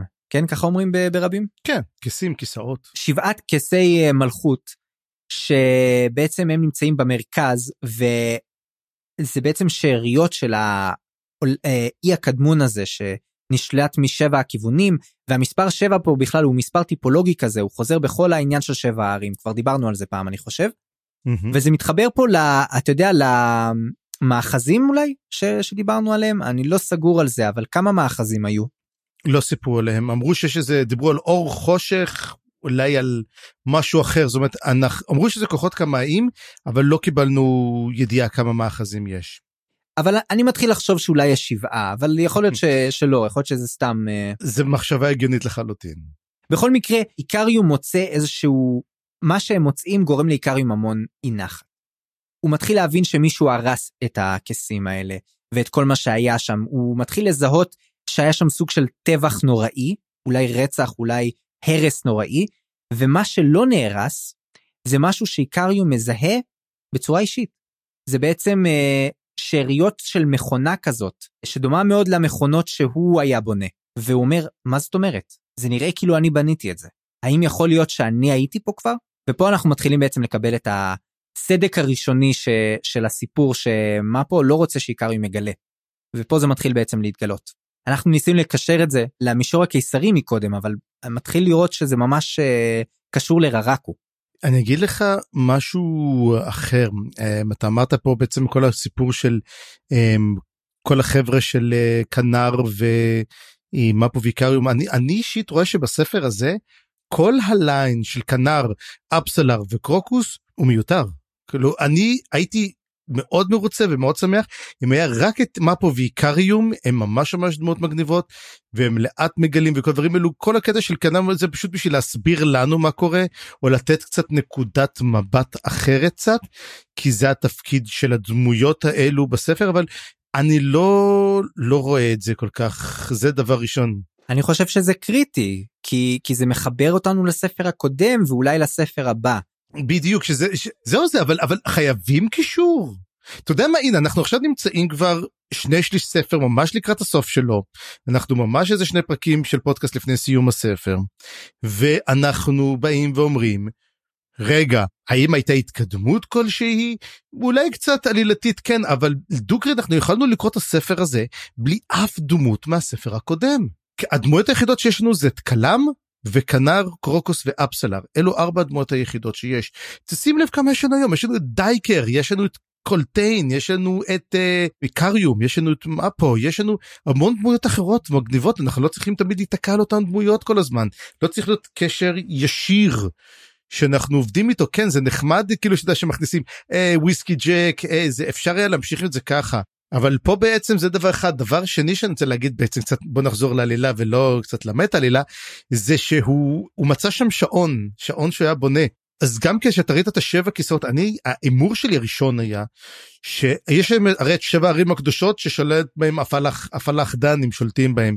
והמחשבה שלי הראשונית הייתה אחרי שאני ראיתי שבעצם הפלחדנים זה היה אמ, דיברס. זה היה אחד שיכול להתפצל לשבעה. ויכול לעשות את זה אבל אז אני מסתכל ואתה רואה את העיר הזאת ואת האימפריה הראשונה שהיה לה שבעה דברים ואתה אומר לך אולי זה בעצם מסורת קדומה אתה יודע. הם זוכרים שיהיו פעם שבעה שליטים ואז הם הקימו שבע ערים כי אתה יודע כל מה שיצא משם קצת אולי שם היה בעצם הדיברס הראשון שלט בעיר הזאתי או באמת יש שם שבעה שליטים ואז הם הפכו להיות השבעה זה כאילו מראה לך מאיפה צצות אגדות שלא כך קלטו אותם טוב היו שבעה שליטים על עיר אחת אז פה היו שבעה שליטים אבל כל אחד רצה עיר מעצמו אז השתלטו על שבע ערים הפכו להיות שבע ערים הקדושות הפך להיות כל היבשת קוראים לה עכשיו שבע הערים אף אחד לא זוכר שבעצם הייתה שם אימפריה ראשונה בתוך אי, זה היה אי פעם, זה לא היה, היה את האי הזה בתוך האזור הזה, וכבר היום אין לנו אי, יש לנו מדבר, אין כבר ים. אני מתחיל לחשוב שאולי השבעה כסים האלה זה יש להם גם איזושהי פונקציה אולי סוג של אתה יודע דרך לתקשר אחד עם השני או דרך להגיע ממקום למקום משהו כזה כאילו גם קסום כן אבל אבל נראה שהם הושמדו זאת אומרת הם לא כל כך אה, כיום לא זה כן זה מזכיר לי את הכס כמו שדיברנו על התיאוריה שלי על הכס הראשון שהוזכר אבל איך יכול להיות כס ראשון אם יש שבעה כסים. מה הוא הראשון? או שבעצם השבעה האלו הם חיקוי לאותו כס ראשון שקיים כי יש את העיר האחרת איפה שפליסין הייתה וזה עיר אחרת שכנראה הייתה מושבה של אותה עיר מאותה אימפריה. הכס הראשון לדעתי זה טרמורלור. או, זה מעניין. טרמורלור... וזה נקבל עוד מעט. זה אבל... יהיה אה, מעניין. טוב, בוא נמשיך, אנחנו עפים לתיאוריות ולא, ולא מעבר לזה. כן. בכל מקרה, השעון הזה, שהוא, שבאמת אתה אומר, המכונה שהוא מצא זה סוג של שעון. והשעון אה, בעצם המשיך לעבוד. כי בעצם המכונה הזאת לא נהרסה. אז איקריום מסתכל על זה ואומר, מעניין, כתוב פה שזה אה, פעם אחרונה ש, ש, כאילו שזה רץ כבר 94 אלף שנים. אמ, אז יש פה בעצם קודם כל קצת אה, דיווח של אה, בין כמה אולי איקריום שזה מתחיל כבר אתה יודע לטפס שם על הכיוונים של אה, לפחות כל כך הרבה דמויות זהו זה יש קצר. כן לא מה מה שמו? אנומן דה רייק? אנומן דה רייק. אנומן דה ריק אנחנו יודעים, אנומן דה ריק הוא 120 אלף אם אני לא טועה דיברנו עליו. כן אז אז אז אתה יודע אז אני מתחיל לחשוב שדי ברור עכשיו שאיקריום הוא נשגב הוא לא סתם אה, הוא לא סתם דמות אה, אתה יודע חזקה או עתיקה או יש לו דם ג'גהותי. לא זה לא סתם יש לו גם סוג של נשגבות כנראה אם הוא חי כל כך הרבה שנים. בכל מקרה מעניין למה מפו כמה מפו בעצם עוקב אחריו. אבל הוא רואה את הדבר הזה והוא מתחיל לחשוב אוקיי לעשות אחד פלוס אחד אנחנו רואים את הגלגלי שיניים רצים גם בתוך הראש שלו ומה פה מתחיל להזיע. ואז בעצם קרוקוס מכולם אה, נחלץ לעזרתו ואומר אתה יודע כל הטבח פה כנראה נעשה על ידי ascendant וכמובן זה קצת מרגיע את מאפו כי איקריום משתכנע אומר כן כן ascendant. אני תוהה לעצמי אם זה סוג של קריצה של אריקסון שאומר לנו שימו לב איקריום הוא באמת ascendant או שזה דרך אה, אתה יודע סתם נקבל את זה face value ופשוט נגיע נגיד שאיקריום אה, לא חושב את עצמו ל ascendant אז כנראה שהוא לא אבל בכל מקרה אנחנו מתחילים לראות שלא בטוח שמה פה יצליח להחזיק את איקריום עוד הרבה זמן בתוך החוסר ידיעה. לגמרי. וכשהם עוזבים את האי הזה בעצם אנחנו מקבלים סוג של סצנה משעשעת ומוזרה. אה, קרוקוס מכולם מגלה שעקבו אחריהם ומי שעקב אחריהם זה איסקר פוסט וקרוקוס באמצע לנער אותו עוד פעם וכמעט להרוג אותו. ואני מתחיל להבין שפוסט הזה הוא דרך מאוד מעניינת להציג לנו קצת מידע. כי בעצם כשפוסט מדבר הוא חושב שכשהוא מדבר הוא, הוא חושב אבל בעצם הוא מדבר את המחשבות שלו בקול וזה מה שהופך אותו לסוג של משוגע כזה שכאילו עם, עם דיבורים חסרי היגיון והוא מגלה להם המון דברים תוך כדי. לא, הוא מדבר איתם על המשעולים, הוא מדבר איתם. כן, הוא אומר להם שבעצם האזור הזה הוא סוג של משעול שנקרע מה... מה... אה, מהקיום. ואני שואל את עצמי, איך זה קשור למשעול הקיסרי? ואיך זה קשור לזה שהיה לנו מקודם משעול, אה, אה, המשעול שבו הייתה הסילנדה, שהיה נראה כאילו היה בו חור, שכאילו נתלש מאיזשהו מקום. אני שואל את עצמי אם זה הכל מתקשר איכשהו לררקו, והאם זה מתקשר לבתי האזף. מה אתה חושב צפריר זה יש לך היגיון פה לסיפור הזה? תשמע זה כל כך נהיה כבר פסיכי לגמרי שאתה יודע זה, זה, זה הקטע הזה בדרך כלל בספרים שאתה אומר אוקיי אני לא הבנתי כלום אני לא יודע מה הוא רוצה הוא מעמיס עלי כל כך הרבה דברים וזה הנקודת שבר בדרך כלל שקורית בספרים לקראת הסוף שלהם. אבל אני ישבתי וחשבתי ואמרתי אוקיי הוא אומר פה שלכל הדרך הוא אומר שטרמולור היא בעצם משעול אחר לגמרי טרמולור קיים במשעול אחר. מה זאת אומרת? איך זה יכול להיות קיים כזה דבר? אבל אז הוא בעצם אומר שהיה פעם משעול, המשעול הזה נקרא לגזרים, ואז פעם הולכים לכל מיני מקומות. עכשיו, זה מאוד מאוד הגיוני מה שקרה אולי גם כן אה, קשור להיווצרות האות הטרל. למה דווקא אות הטרל יש רק במקום הזה? למה אולי זה קשור למשעול שנקרא אנחנו יודעים שהמשעול היחידי שאנחנו יודעים שקראו זה קורל דה אמורלן. המשעול של הטיסטה אדור סליחה משעול לצללים קדמון כזה שלא כזה בטוח אם הוא בעצם משעול הצללים של אה, אמנס. יכול להיות שזה יכול להיות שזה משעול הצללים של האלים זה משעול של אה, כי אנחנו יודעים שהמשעולים של הטיסטה הם זרים לעולם של מלאזן הם לגמרי מין כמו טבעיים יותר עולמות כאילו אתה יודע כמו יסודות. של טבע מאשר של קסמים או ניסיון. ולכן אם אנחנו מדברים על זה ש... אתה יודע המשעול הזה קרוע יכול להיות שבעצם הוא התפוצץ המשעול הזה ויש כניסות ויציאות ממנו מכל מיני מקומות. אה, ויכול להיות למעשה שה... משעול שאליו פליסין וכולם נזרקו והיה שם את הסילנדה זה משעול זה קורל מורלן. יכול להיות שהמשעול של טרבלור זה גם כן קורל מורלן זה פשוט חלקים שנזרקו ונטמעו במציאות ויש סיכוי טוב מאוד שגם משעול הקיסרי הוא קורל מורלן פשוט חלק שנקרא ו... פשוט גילו אותו אתה יודע זה מין תחשוב אצלך שזה מין משעול שנקרא ופשוט אמרו אוקיי אפשר להיכנס אליו. ואתה יודע כי אין אף אחד שם אין כלום. למרות שאמרו שיש שם דברים מפחד ואל תישאר שם יותר מדי זמן כי יש שם משהו. ואומרים את זה גם כן לכל ה... לכל הקלו. למרות זאת גם אם, אם נלך ככה מה אם בעצם אנחנו חושבים כנראה קלנבד גילה את קיומו של המשעול הקיסרי כי ממנו זה כל זה יצא. ואם האמת בגלל שהוא היה שם הוא חקר אותו, גילה שזה קורל אמורלן, הבין שיש שם דרך איכשהו לצללים, האם דרכו הוא הגיע לטרמורלור. זה יותר הגיוני מתחיל להיות, זה מתחיל להיות יותר אה, להבין את הדרך שבה עשה אה, קלנבד בשביל להגיע לאיפה שהוא נמצא היום. כן לגמרי. ועכשיו בעצם הם מגיעים ממש לפתח הזה של, ה, של הפרגמנט הנתון וממש בפתח הם קולטים שם את אפסלר ואבא שלה, את uh, משרת, והם בעצם uh, הולכים להיכנס פנימה, אבל בשלב הזה אנחנו מקבלים בעצם פיסת מידע מאוד מעניינת על, על, על משרת. בעצם מדברים איתו ומגלים שקודם כל מגלים את השם שלו. מסתבר שקוראים לו רלוק. אני לא זוכר אם הזכרנו את זה בספר הראשון. לא, לא, לא הוזכר בכלל, השם שלו לא הוזכר בכלל. בדיוק. אז הוא מקבל איזשהו שם ועם השם הוא מקבל סוג של דמות. אתה מבין מה אני מתכוון? דמות ספרותית עגולה יותר. אנחנו מתחילים להבין שיש לו מ, עולם פנימי יותר עשיר ממה שחשבנו לא איזה זומבי שעוסק עם מצוות אדוניו. אנחנו מתחילים להבין שהיה לו בחירה מאוד רצינית פה. אה, הוא אמר אני לא נשאר חייב. ולמרות ש...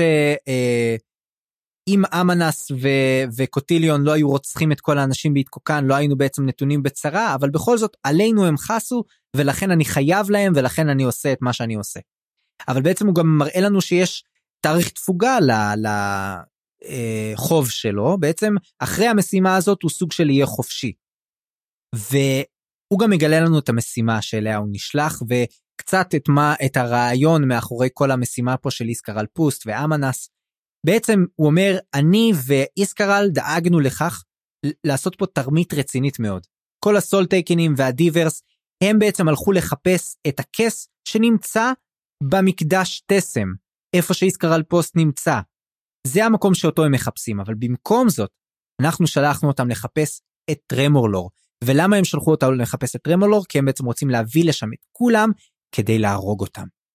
ואני שואל את השאלה שלא כתובה פה, למה? למה אמנס רוצה להשמיד את כל הסולטייקנים והדיברס? מה המטרה הסופית שלו? יש לך תיאוריה פה צפריר?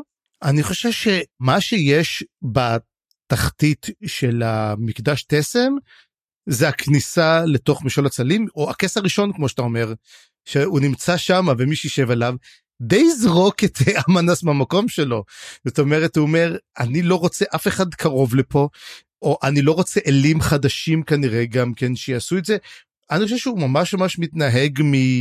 אה, אתה יודע, הישרדות עצמית. הגיוני. בעצם אם הוא יהרוג את כל הדיברסים והסולטקנים לא יהיה אחר כך אופציה שהם יבואו אה, לחפש שוב את השער הזה אז אולי זאת הסיבה זה נשמע לי הגיוני.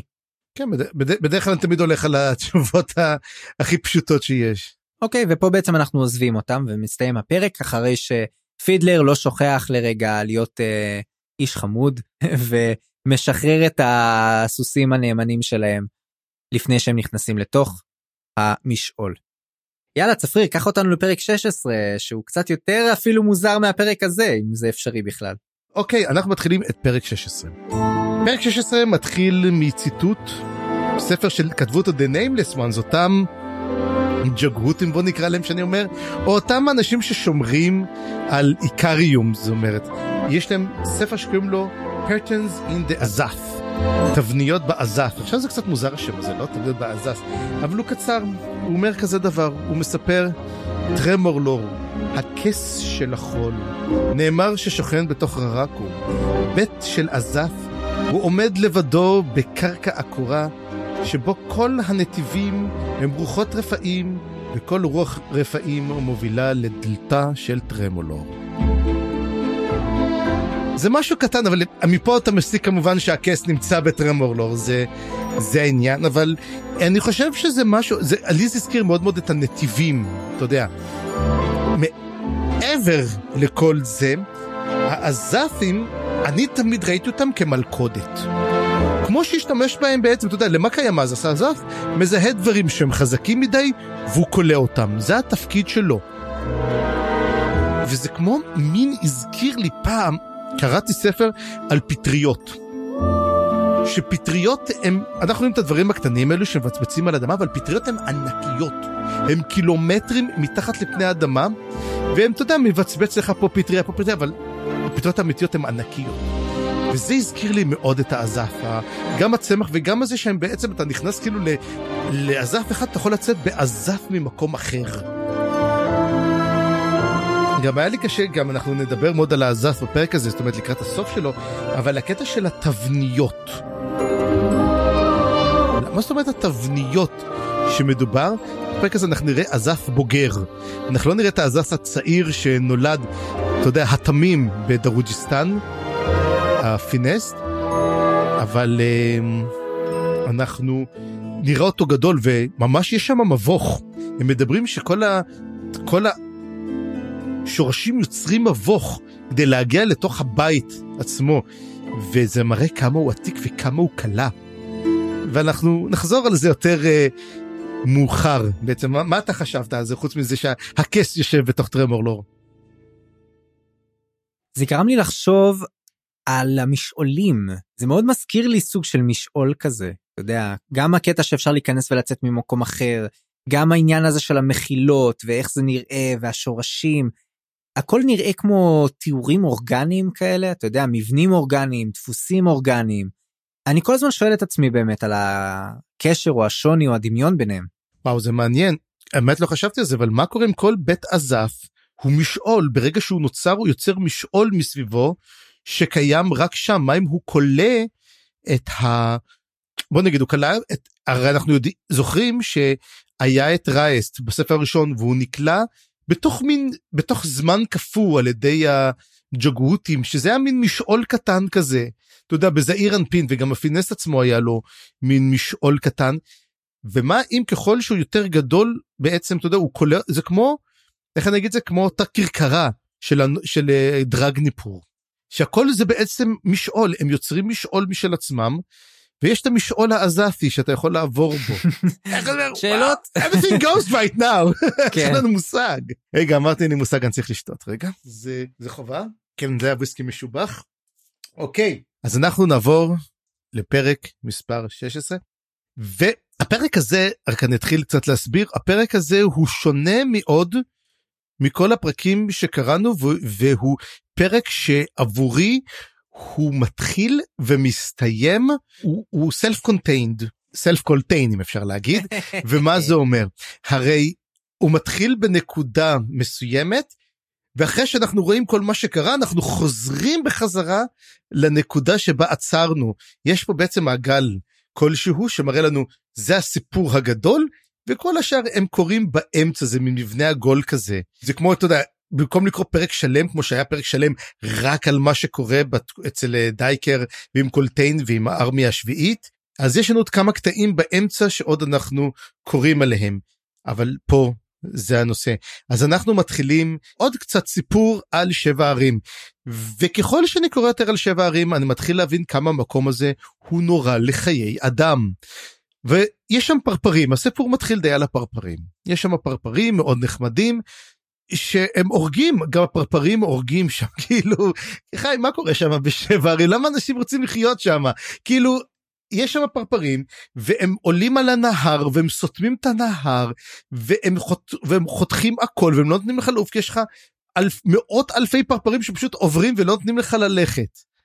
העשים שם הורגים, הזבובים שם משתילים לך ביצים, אני לא יודע, אני הייתי עובר ליבשת אחרת, ממש ממש מהר. שמע, כל מה שאמרת נשמע לי מאוד כמו אוסטרליה, ואנשים עדיין גרים באוסטרליה. אז מה, מה אתה רוצה? על החוף, על החוף, אף אחד לא נכנס פנימה.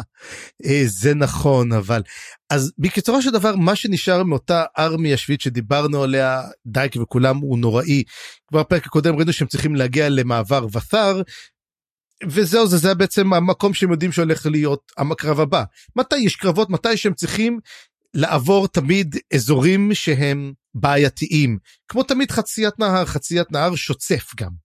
תזכור אבתר הוא לא כמו אה, רכס גלור שהוא היה מין אה, הגיע להם עד הברכיים או משהו כזה אפילו פחות שם מדובר על נהר גדול אבל גם צריך לזכור החלק הזה של ותר שדרך אגב היה צריך לעבור למפה השנייה בשביל לעבור אותו כי יש את המפה של שרשרת הכלבים עוברים לחלק השני יש שם משהו מאוד מעניין. יש שם יער היה שם יער באזור הזה. מגדה אחת את היער הזה כרתו לחלוטין אובריד העיר הגדולה ביותר שנמצאת שם לקחה פשוט את כל העצים ובנתה משם ואת החצי על הגדה הדרומית של אבתר הם השאירו אותו שלם. עדיין ביער הזה יש המון המון דברים מוזרים יש את הפרפרים הנוראים האלו אבל גם נאמר אין שם רוחות אדמה. בעוד שרוחות אדמה עזרו לוורלוקים בחלק הצפוני יותר של המסע, בחלק הדרומי אין. וזה מתקשר גם למה שאמרת שליסט אומר בפרק הקודם, למלחמה הנוראית ואנחנו נדבר על זה. עכשיו, הצבא של קולטן והצבא של קורבולו דום במרוץ מי הראשון שיגיע למעבר הזה. אם קולטיין יצליח להגיע ראשון למעבר, הכל טוב, הם יוכלו לחצות אותו ולהמשיך הלאה, וקורבולו דום לא, עכשיו, יש תחרות לא קטנה בין קורבולו דום לבין קולטיין. כל אחד רוצה לדעת מיהו האסטרטג הטוב ביותר. לקורבולו דום יש לו עדיין רגשי נחיתות בגלל מה שעשתה לו לסין. והנה עוד דבר אחד שלסין עשתה לו נכון, זה לא, היא לא יודעת איך לעבוד עם כוח אדם. ממש השימור סגל שלה הוא זוועה. קורבולו דום היה אחרי שבעצם וויסקי ג'ק הודח, קורבולו דום הגיע, ואז הוא הודח עבור דוג'ק. מסיבות שלא כל כך מוסברות כי קורבולו דום הוא אסטרטג נהדר ממש מעולה ולא היא מחליטה להוריד אותו קורבולו דום מאז יש לו את הרצון להוכיח שהוא אסטרטג טוב ביותר והוא החליט שהוא הולך לזה מול קולטיין שגם הוא כמובן יש לו את המוניטין הטובים האלו. אז הם ממשיכים לעשות את זה ועכשיו הם צריכים להבין מי נמצא שם ראשון הם מגיעים קרוב לבשר והם צריכים לראות האם יש אופציה לכבוש אותו מי הגיע ראשון ולכן הם צריכים לשלוח חיל חלוץ לבדוק מה קורה שם ומי כמובן מנודב לסיפור הזה אם לא דייקר שעשות את זה. ואז שמתחילים להתקרב גם כן מתחילה שתיאוריה שלך חיים נכונה. אומרים שלחבלנים אין בכלל מפקד זה מגיע וזה די זה די נכון בסוף מתברר שהחבלנים פועלים יפה מאוד לא צריכים מפקד הם uh, עובדים יפה מאוד ביחד. לא זה קטע נפלא כי גם הוא אומר לו רגע אתה בטוח? ואז הוא אומר קולטן אומר לדייקר מה יש לך ספק שהם שהם מסוגלים אבל אבל עדיין כאילו יש פה ברור שהם מסוגלים אבל אין לנו עדיין אישור 100% אבל אני חושב שזה די ברור לאן כן, זה די, זה די זה די סגור. מה שכן נחמד זוכר שדיברנו על כלבים אז עכשיו אני זוכ... רוצה להזכיר אותך לקטע שדיברנו בפרק הקודם של הפודקאסט שהיה את הכלב שחטף את, את הכלב השני. הקטנצ'יק. את הצ'יוואווה כן את הצ'יוואווה עכשיו הצ'יוואווה הזה הוא המלך שלהם זה הצחוק פה. ומי סוחב אותו? זה אותו כלב שחטף אותו הוא סוחב אותו בפה שלו. זה בעצם כמו אתה יודע כמו שסוחב אותו על הפריון הוא לוקח אותו בפה שלו והוא נובח שם זה. עכשיו הכלב הזה זה הכלב בנט קוראים לו. זה כלב שחטף מכה ואין לו חצי מוח. הוא עכשיו כמו מין כיסא נייד כזה של אמ, של הצ'יוואווה הזה וזה זה צחיק אותי לאללה אבל זה גם הזכיר דבר אחר זה גם מראה הוא נובח נורא חזק עכשיו מי שאי פעם מכיר צ'יוואווה יודע שהם נובחים נורא. וזה זוועות להיות להיות צ'יוואוות ובולט כבר אומר אני לא יכול לסבול הוא זורק עליו חנית ומנסה להרוג אותו והוא לא מצליח הוא אומר די אי אפשר עם זה יותר. וזה קצת מזכיר לי את מה שקורה עם האצילים ועם ה... עם כל הצווחות של האצילים שכבר בולט לא יכול לשמוע כבר די רואה את הכלב הזה אבל מה שכן מפחיד אותי שבאמת האצילים השתלטו על הצבא הזה זה מאוד זה סימן כלשהו שלהבא אנחנו עדיין לא יודעים אם זה בפרק הזה אבל יש פה סימן שיש סיכוי שהאצילים יפעלו ויעשו משהו רע. לטובת למרות שדווקא נראה שהכלב הזה הוא דווקא נחמד כזה הוא לא חוץ מלנבוח הוא לא עושה הרבה בעיות.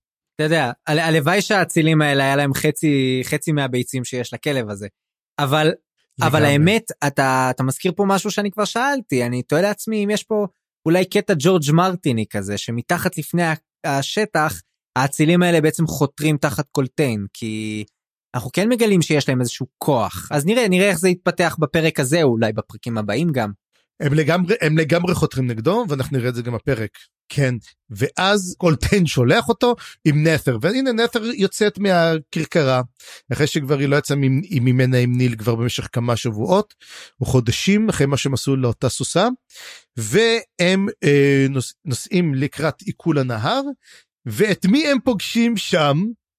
ספינה שרופה אסילנדה ושלושה חבר'ה יושבים ושותים קפה על החוף שזה שלושת המרינס. ו... וזה היה כזה מין וואו איך הם הגיעו אליהם והם איך הגיעו לשם כאילו אה, הם שרדו החבר'ה שרדו והצליחו ודרך אגב יש להם שיזוף שמאוד מאוד מזכיר לנו דמות אחרת. את בודן כמובן. ועכשיו הגיע הזמן לתיאוריה שלך אני צודק? כן אה, טוב אנחנו עוד רגע נראה מה השיזוף הזה אומר אבל אנחנו נראה שהשיזוף הזה נותן להם אה, יכולות מסוימות ואולי גם בודן שייך לדברים האלה ונראה נראה מה זה אומר. כן ואז הם באים ואומר להם דייקר היי אתם חלק מהצבא בואו תצטרפו אלינו והוא הרי הוא מכיר אותם. הוא, הוא זה שפגש אותם באותה עיר חוף. שהוא אמר להם טוב בואו לכו נתן להם את קלפ שיצילו את הבוריק. ואומר לו נו מה קורה עם קלפ? מה קורה עם הבוריק? הוא אומר להם לא הלוואי שהיינו יודעים אין לנו מושג הם נפלו מהספינה אנחנו לא יודעים מה קרה איתם וטוב הוא באמת זה די מוזר שהוא לא המשיך לשאול טוב זה הכי טוב שיכולו לעשות בכל לא, מקרה. הם היו מאוד בלחץ הם היו באמצע המשימה הזאת של ה... הם היו בלחץ זמן שקורבולודום שולח את הכוחות שלו גם הם צריכים לוודא שהכל כן. לא היה להם זמן לשבת על הקשקש הם המשיכו את השיחה הזאת אחר כך. כן אבל בכל מקרה בזמן שהם עושים את זה מגיע דמות ואומר קורבולודום כבר הגיע. זאת אומרת הם לפני שהם עוד מגיעים שהם עוצרים מדברים איתם אחד אומר לא קורבולודום כבר נמצא שם מה שכן הם כורתים עצים הם כורתים המון המון עצים. אז אומרים אוקיי בוא, צריך ללכת לראות מה לעשות. אז אומרים השלושת מרינס טוב בוא אנחנו ניקח אותך יש לנו ספינה הספינה של הסילנדה סירה קטנה כזאת סירת אה, סירה שיוצאים איתה לחוף. אה, בוא נחתור בנהר הזה ונראה מה הם מתכוונים לעשות. אז הוא אומר מסתכלים על הנהר הזה הנהר הזה כולו מלא פרפרים. זאת אומרת הפרפרים מתים נופלים על הנהר והנהר הזה הוא כמו מין גוש פרפרים הגדול. אז אומר לו אה מה שטויות וזה הפלגנו כבר ביותר גרוע. אז יאללה בוא. ואז הם באים והם חותרים ואז באמת דייקר שם לב שיש להם וואחד כוח. הוא אומר איך הם מסוגלים בכזה כוח? אז הבנתי שהיכולת שלהם באמת זה שיש להם הרבה יותר כוח אבל בודן די נשרף. איך איך אתה איך אתה רואה את בודן שורד אחרי הסיפור הזה. אתה כל הזמן גורר אותי לדבר על בודן אבל אני רוצה אני לא רוצה לדבר על זה עד, עד שאנחנו מגלים באמת מה קרה לחברה אה. האלה אז נחכה עם זה. נחכה אני לא זוכר אם קרה להם משהו אבל טוב אוקיי אז אנחנו נמשיך מה שקורה הם חותרים עם הספינה ורואים שהם מגיעים ורואים שקולטיין הרי אה, לא קולטיין קורבול אדום הגיע כבר לקצה השני של הנהר והוא שולח אנשים לשני קצוות הנהר עם חבלים הוא זורק חבלים והם מטפסים על החבלים ועוברים לצד השני. תוך כדי זה הוא רואה שהם קשתים. גם כן? והוא שם אותם בצד השני ועדיין ממשיך לקחות עצים הם לא מבינים עדיין למה הוא עושה את הדבר הזה אבל זהו זה קורבול אדום משתלט על שני ה... מה שקורה. הם חותרים עם הספינה ורואים שהם הם מגיעים ורואים שקולטיין הרי לא קולטיין קורבול אדום הגיע כבר לקצה השני של הנהר והוא שולח אנשים לשני קצוות הנהר עם חבלים. הוא זורק חבלים והם מטפסים על החבלים ועוברים לצד השני. תוך כדי זה הוא רואה שהם קשתים. גם כן? והוא שם אותם בצד השני ועדיין ממשיך לקחות עצים הם לא מבינים עדיין למה הוא עושה את הדבר הזה אבל זהו זה קורבול אדום משתלט על שני הגדות של הנהר השוצף הזה מאוד. ואומרים אוקיי אין מה לעשות צריך להעביר את ההודעה הזאת לקולטן שיבין שאין לנו סיכוי פה כל כך אה, להגיע ראשונים אנחנו נצטרך למצוא תוכנית אחרת ואז הם לוקחים אותם אחורה. למרות שהם רואים שם את המכשף הוא מסתכל עליהם אומרים אולי אנחנו לא ניגע בו הוא לא ייגע בנו. אה וגם המכשף הזה כל הזמן אומרים איך הם הגיעו לשם הרי יש את הפרפרים אמרו הם, הם סמכו על זה שהפרפרים ימנעו מהם להגיע אבל זה אומר פשוט המחשב כל הזמן פותח את המשעול הפרפרים נכנסים פנימה ואז הוא סוגר אז אם אי פעם מישהו ייכנס ונראה שהוא פשוט פותח את המשעול ויש לו פרפרים שם נדע שזה המשעול של אותו קוסם אבל אז בגלל שהוא הצליח לעשות את זה אבל אמרו עכשיו הקוסם נחלש. עכשיו הקוסם הקוסם מסתכל עליהם הם מסתכלים עליו אומרים אם אנחנו לא ניגע בו לא ייגע בנו הקוסם החליט לא לעשות שום דבר והם עוזבים. זה בעיקרון הם מגיעים בחזרה ומחליטים לשלוח את ה... פצועים אל ארד הרי יש להם כמות מאוד גדולה של פצועים שקשה להם להעביר אותם ומחליטים בעצם להעלות אותם על הסילנדה. רגע, דילגת על זה שקולטיין בעצם והצבא הגדול מצטרף אליהם עכשיו.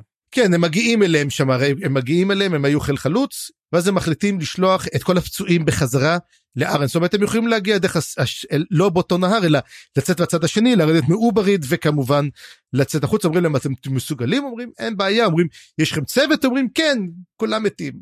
אבל אבל הם חותרים יפה הם חותרים מאוד מאוד יפה. גם בלי ראש. אה, כן גם הם לא יכולים לבלבל את השכל אלה הם ראש כן. ואז הוא אומר גם כן הזמן אומר לא עובר על הספינה הזאתי הספינה הזאתי כאילו ממש סגורה. אפילו הזיפים שלנו לא גודלים שאנחנו נמצאים שם. ואומר ואז הוא אומר לו תשמע קולטן נתן לך את האופציה לעזוב אם אתה רוצה. ואז הוא אומר לא לא מוכן. אני לא מוכן לעזוב על המקום. הוא אומר את זה ואז נת'ר אומרת לו אה, או שזה ניל אומר אני לא זוכר אומר איך הוא יודע כל כך טוב לקרוא אנשים קולטן? הוא אמר הוא ידע שאתה לא תסכים לעשות את זה והוא ממש ממש אה, נדהם ממנו. ואז כשקולטיין מגיע הוא רואה את אה, גסלר. הוא רואה את החברים שלו והוא מזהה אותם. קולטיין ממש מכיר אותם. מתברר שקולטיין היה כנראה מה old guard וגם הם. לא לל לל לל מזהה אותם. זה לל לא קולטיין? לל לל מזהה, מזהה אותם? קולטיין שמה אבל גם קולטיין אבל אוקיי אז לל אומר לגסלר מה אתה קפטן עכשיו היית, ירדו אותך לסמל, עכשיו הורידו אותך לרב"ט. עכשיו זה הזכיר לך גם את וויסקי ג'ק או לא? קטע הזה. לגמרי, מגלים שגם גסלר וגם סטורמי הם לא סתם חבר'ה, הם היו ממש מהמשמר הישן ועכשיו אנחנו גם מגלים עד כמה. כן, סטורמי הוא היה סגן של קרת'רון קראסט. כאילו, קרת'רון קראסט היה האדמירל, היה אגרוף האדמירל של כולם. הוא היה adjunct. adjunct, תבין, זה, זה, זה, זה אנשים בדרגות סופר גבוהות. שיש להם ספינה מרינס הם חותרים קצת עם איזה ספינה קטנה. אה, טרוס אומרים שהוא מגויס חדש אבל אה, הם עצמם משהו גדול אז הוא אומר ואז הוא אומר לו בולט תשמע אנחנו צריכים אנשים בדרגות גבוהות אני רוצה לקדם אותך אז הוא אומר לו אתה אז הוא אומר לו קולטן אני רוצה גם כן לקדם אותך אז הוא אומר לו אין כזה דבר אם אתה תגיד לי שאני ארביץ אם אתה רוצה את זה אני אתן לך אגרוף אני אשבור לך את האף אז הוא אומר לו אז כזה קולטן אומר לו ואם היית אומר את זה לקרת'רון קראסט, מה הוא היה עושה לך? הוא אומר, אה, הוא היה שובר לי את האף. ולא מספיק להגיד את הדבר הזה, קולטיין בא, נותן לו אגרוף, שובר לו את האף, מעיף אותו, ותוך כדי זה גם שובר לו את האף, לעצ... שובר לו את היד, את הזרוע שלו, הוא שובר אותה לגמרי. והוא נופל, ואז ניל רואה אותו לגמרי והוא אומר, מה זה הדבר הזה? הוא אומר, אדם, הוא רואה את אדם, הוא אומר, הבן אדם הזה כמעט הפך לאל. הוא אומר, הוא הזניר לי אסנדנט ממה שהוא עבר שם. ואומר, הבן אדם הזה חצי אל, וקולטיין שבר לו את האף? ואז אני כותב לעצמי גם כן, אומר, מה זה אומר לגבי קולטיין? אני אומר, אבל אותי יותר מעניין, מה זה אומר לגבי בודין. הגענו? הגענו, הגענו, כן, אתה שם. כי אם הם נירלי אסנדנט, אתה יודע, הדבר האחרון שצריך בשביל, כנראה, בשביל להפוך לאסנדנט, חלק מהעניין זה גם לאבד את הגוף האנושי, כאילו, זה שבודן מת בדיוק אחרי שהוא עבר את אותה תהליך, שהפך אותו לכמעט אסנדנט, אולי המוות דווקא ישחרר אותו. אני לא יודע, זה, זאת שאלה, אני לא בטוח, אנחנו עדיין לא יודעים בדיוק איך הופכים להיות אסנדנט, אבל אנחנו יודעים לגבי למשל טאטר סייל שהיא כן הפכה להיות אסנדנט כנראה, וחלק מהתהליך היה בלי ספק המוות שלה אפילו פעמיים, עיבוד של הגוף שלה. צריך לזכור שלהיות אסנדנט אתה צריך למות אבל לא לעבור בשערים של הוד. זה זה החוק. אז כן טאטרסל אנחנו יודעים באמת היא עשתה את זה על ידי המשול של קלפ. לא קלפ אלא קראפ תמצא שמות אחרים מריקסון אנחנו לא יכולים כבר ככה. פנינה once your number. כן. ואז יש את זה זהו זה מעניין לראות באמת בודן יהפוך להיות אל וואו מעניין מעניין מעניין אני מחכה באמת לראות האם אנחנו נראה את בודין במהלך הספר הזה הבאים או שלא קלפ ומה עם קלפ קלפ לא הרי גם כן היה קלפ על הספינה. אמנם הוא לא זכה לשיזוף אה, בוא נגיד תוצרת חוץ אבל עדיין. מה זה אומר? אולי נראה אותם אולי לא. אז תוך כדי איך אומרים את זה? תוך עוד זה מדבר וזה בא. אני רק אגיד משהו קצרצר על קולטיין. היה שם uh, פסקה מאוד יפה על איך בעצם מה גורם לוורלוקים ל- ללכת אחרי קולטיין וזה מאוד מתחבר פה לקטע הזה. וגם מתחבר למה שאמרת בהתחלה ואתה יודע הקטע שפותח את כל החלק קולטיין הוא הופך להיות סוג של מיתוס סוג של אגדה ומה הופך בן אדם להיות נשגב האם זה משהו רק uh, קסום כזה או אתה יודע איזשהו טקס מגי שעושים או אולי זה גם הסטטוס שלו. אתה יודע אני מתחיל לחשוב על דמויות כמו לסין האם לסין גם יכולה להיות נשגבת באיזשהו מובן האם מספיק שכל כך הרבה אנשים חווים אותך כאיזושהי אגדה חיה שזה הופך אותך באמת להיות אגדה חיה. האם זה שמספרים לילדים לפני השינה סיפורים על איקריום הופך אותו להיות דמות כל כך חזקה? כאילו זה לא רק עניין של אתה יודע למות ולא לעבור בשערים של הוד. אולי ברגע שמתחילים לחשוב עליך כדמות כל כך חזקה אתה הופך להיות דמות כל כך חזקה ובסוף מה שנותן לקולטיין את הכוח שלו זה זה שמאמינים בו ו- ו- ומעריצים אותו. והאה כן תחושת ה... יראה תדהמה. יראה כן סוג של יראה כזאת שהם uh, חשים כלפיו וזה מה שהופך אותו לדמות כל כך עוצמתית ומיתית. תשמע אחד הדברים הוא שאתה גם אמרת בהתחלה אני חושב ממש התחלנו אפילו את הפודקאסטים העלית את זה שיש את הסברה המיתית כי שהאם אל תלוי בכמות המאמינים שלו או שאז הוא יכול להפוך להיות אל או שאתה יודע אל הוא אל והוא לא צריך שום עזרה מאף בן אדם שיהיה איתו. ואנחנו עדיין לא קלטנו בעצם האם זה ככה פה בעולם הזה או לא כי אני, אני קראתי על כמה מקומות שפתאום היה איזה אחד ואז אמר אל ואמר לו אם אל תלוי במאמינים שלו זה לא כזה אל משהו אתה יודע. אני לא זוכר איפה קראתי את זה אבל אהבתי את הנושא הזה ויש אלים כמו למשל בעולם של הממלכות הנשכחות שהם ככל שאתה יותר מאמין באל הזה יש לו יותר כוח ולכן האלים יוצאים שם הרבה למסעות קודש ול... אתה יודע להמון אינקוויזיטורים שתאמין תאמין באל הזה כדי שיהיו לך יותר מאמינים כדי שתוכל לצבור יותר כוח זה כן די מזכיר את מה שקרה לקרול כי קרול אמר שכבר 200 שנה לא היה אף אחד במקדש שלו ולכן הוא. אני, אני חושב שאז כשדיברנו על זה קצת ניסינו לפחות אני אני זוכר שמתחנו את, ה, את הקו בין אלים עתיקים לנשגבים נכון. שהנשגבים לכאורה לא זקוקים לכל הדברים האלה אבל אתה יודע עכשיו שאני חושב על זה אני אומר לעצמי mm-hmm. מה בעצם משותף לכל הדמויות האלה ואני לא חושב שלסטורמי ול, ולגסלר יש עדת מאמינים כן אבל מצד שני אנחנו כן מתחילים להבין שמדובר ב, בדמויות ידועות ובאנשים ידועים ובמיוחד אם מדובר על בן אדם כמו קולטיין שהוא אה, יש לו המון כוח מה, מה בעצם האנשים שהולכים אחריו אז מעניין. אה וזה גרם לי לחשוב על שאר האנשים כמו כמו שאמרת על הספינה של הסילנדה שהיו שם כל האנשים בעצם גם פליסין וגם בוריק וגם קלפ. אני אני חושב אני מתחיל לחשוב שבוריק לפחות די בוודאות הופך להיות עכשיו אה, גם נשגב עם כל הכוחות המשוגעים שלו ואולי גם פליסין ועל זה נראה בהמשך הפרק. כן פליסין אנחנו פליסין נותן פה באמת איזה ככה 180 מעלות מעניינות.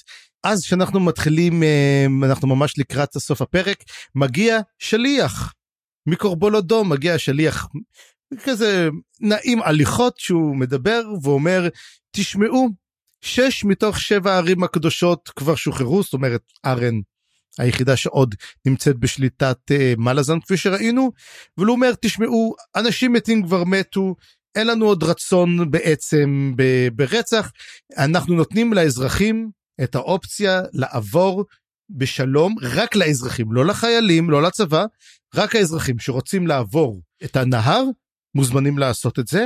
לא החיילים, אנחנו מבטיחים להם, אנחנו, קורבולו דון נותן את המילה שלו, שהוא לא יפגע בהם. והאצילים הם, מסתכלים ואומרים, כן, בוודאי, אנחנו מוכנים לזה, אנחנו נעשה את זה. ודייקר קולט ואומר, הם דיברו לפני זה.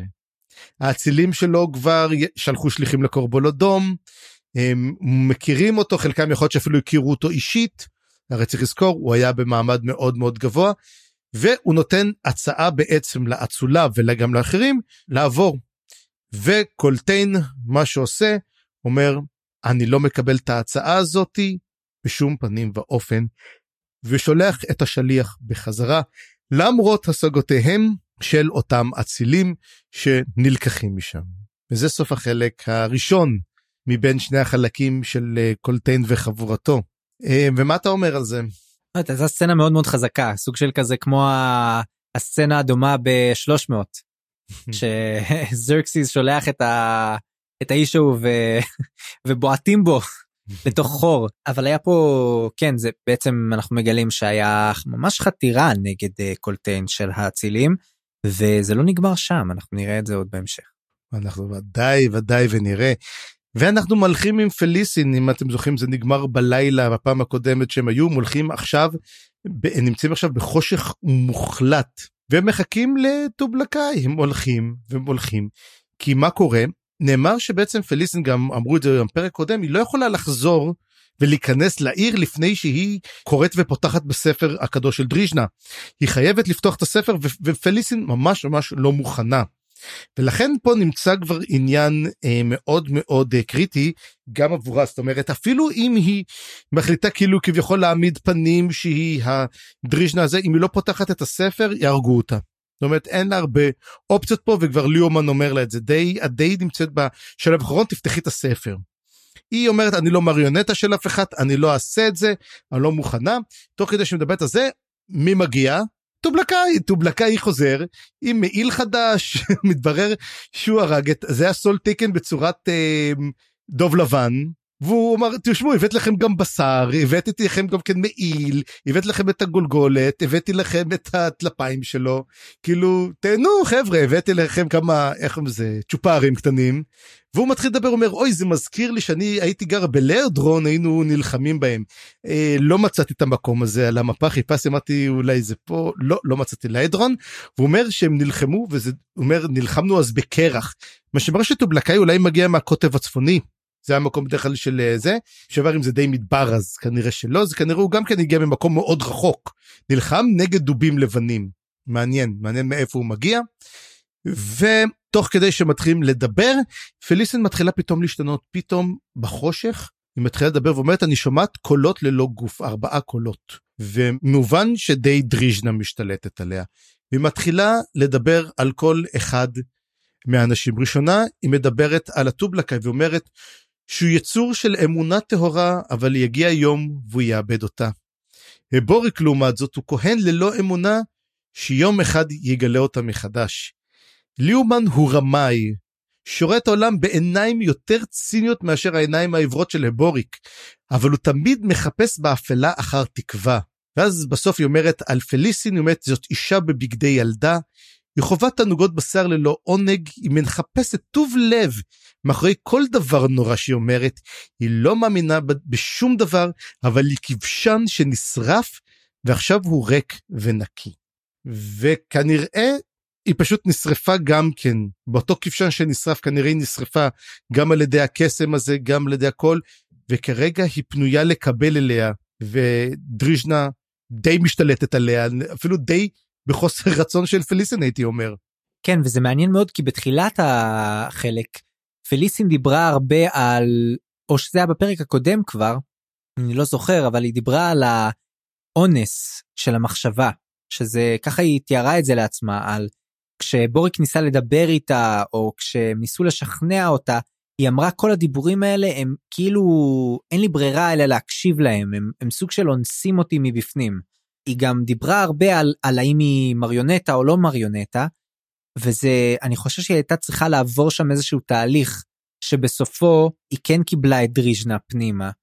אה, אני חושב שהיא עברה איזשהו תהליך שבו היא אולי התעמתה איתה או וזה באמת שאלה טובה כמו שאתה אומר האם היא הסכימה למעבר הזה או שהיא לא הסכימה ושהוא נכפה עליה. אני נוטה להגיד שהיא הסכימה. אני חושב שהיא הגיעה לרמה שבו שבה היא הבינה שהיא חייבת להסכים וההסכמה שלה הייתה מודעת ולא מתוך אונס לדעתי. טוב, אז אנחנו נראה באמת הלאה, כי אנחנו לא מקבלים את פליסין בכלל עד סוף הפרק. מה שהיא עושה, היא אומרת ללאומן, תפתח את הספר. עכשיו תבינו זה לילה זה חושך מוחלט. היא אומרת לו תפתח את הספר אז הוא אומר לה אבל לא הגיע שחר הרי פותחים את הספר של דרישנה עם השחר. והיא אומרת לו לא תפתח אותו והוא פותח אותו ומתחיל להיות אור. היא גם אומרת לו היא אומרת לו מה אתה חושב שרק אני נבחנת פה כולנו נבחנים פה. והוא פותח את הספר ובספר אנחנו רואים שיוצא אור מהספר. הוא מתחיל לקרוא אותו אבל הוא אומר הספר הזה ריק לא כתוב שם כלום. אז היא אומרת לו זאת האמונה שלך. והיא אומרת לו תעביר אותו לטובלקאי, טובלקאי קורא אותו ומתחיל לבכות. היא אומרת לו יום אחד אתה תבין מדוע הצער למה יש לך כל כך הרבה צער שאתה מתחיל לבכות לא היום אבל אתה עוד תגלה. ואז היא אומרת לו תעבירו את הספר להבוריק. ובוריק לא מוכן לקבל אותו. הוא אומר אני לא נוגע בספר אני לא רוצה כלום ואז לאומן אומר לו אם אתה לא אם לא תקרא את הספר נהרוג אותך. אז היא אומרת תהרגו אותו. וטובלקאי קופץ על הבוריק ואובוריק עושה לו איפון ופשוט תופס אותו וזורק אותו כזה מעיף אותו. והם רואים את הידיים שלו תוך כדי אומרים שזה יד אחת רגילה ויד אחת חייתית. וזה היה מה זה קטע מעניין פתאום שרואים אותו היא די מבינה ואומרת לו שידעה שאין סיכוי שטובלקאי ינצח אותו אבל היא אומרת לו שלמרות כל מה שעשו הכהנים שלך האל מעולם לא זנח אותך, אלא הוא הכין אותך לקראת הבאות. ואז עומד לעלות השחר ואומרת לו תביא לי את הספר עכשיו הגיע הזמן שאני אפתח אותו. וזה סוף הפרק לא פרק סליחה זה סוף החלק של uh, פליסין וזה היה חלק מאוד מאוד מאוד מאוד מאוד מעניין. כן לגמרי מעניין. ועכשיו התיאוריה שלי שאני לא כתבתי אותה פה ונגיד גם כן משהו קטן. משפט אחד פה בכל החלק הזה מאוד מאוד סקרן אותי. כי מדובר שמדברים על טובלקאי בהתחלה ואומרים לו מה טובלקאי הזה כאילו כזה לוחם טוב וצוחקים עליו צריך פליסט באמת אם הוא היה כזה לוחם טוב הוא היה מציל את uh, שאיק כאילו you had one job כולם די צוחקים עליהם אומרים להם you had one job אתם דפקתם אותה. אבל אז הוא אומר משהו שאותי מאוד מאוד עניין והוא אומר לא היה גם שומר שלישי אבל הוא החליט לעזוב. אני אומר שזה סלק אילן. ועכשיו למה אני אומר שזה סלק אילן? אוקיי עכשיו אתם רק שומעים את זה. אני חושב שזה אפט. אפט. כן. אפט א' כתוב היא אפט היא אישה. בסדר אבל אבל אה, שומר בגרדיאן זה לא בהכרח הוא. אני חושב שאמרו he, he was sent away או משהו כזה. עכשיו אני אגיד לכם okay. מה אוקיי. אני חושב.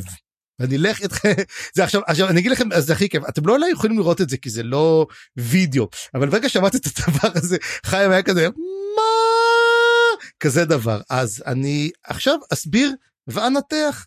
תראו יכול להיות שהתיאוריה הזאת היא פשוט תפוקה היא לא קשורה לכלום אני אומר שטויות.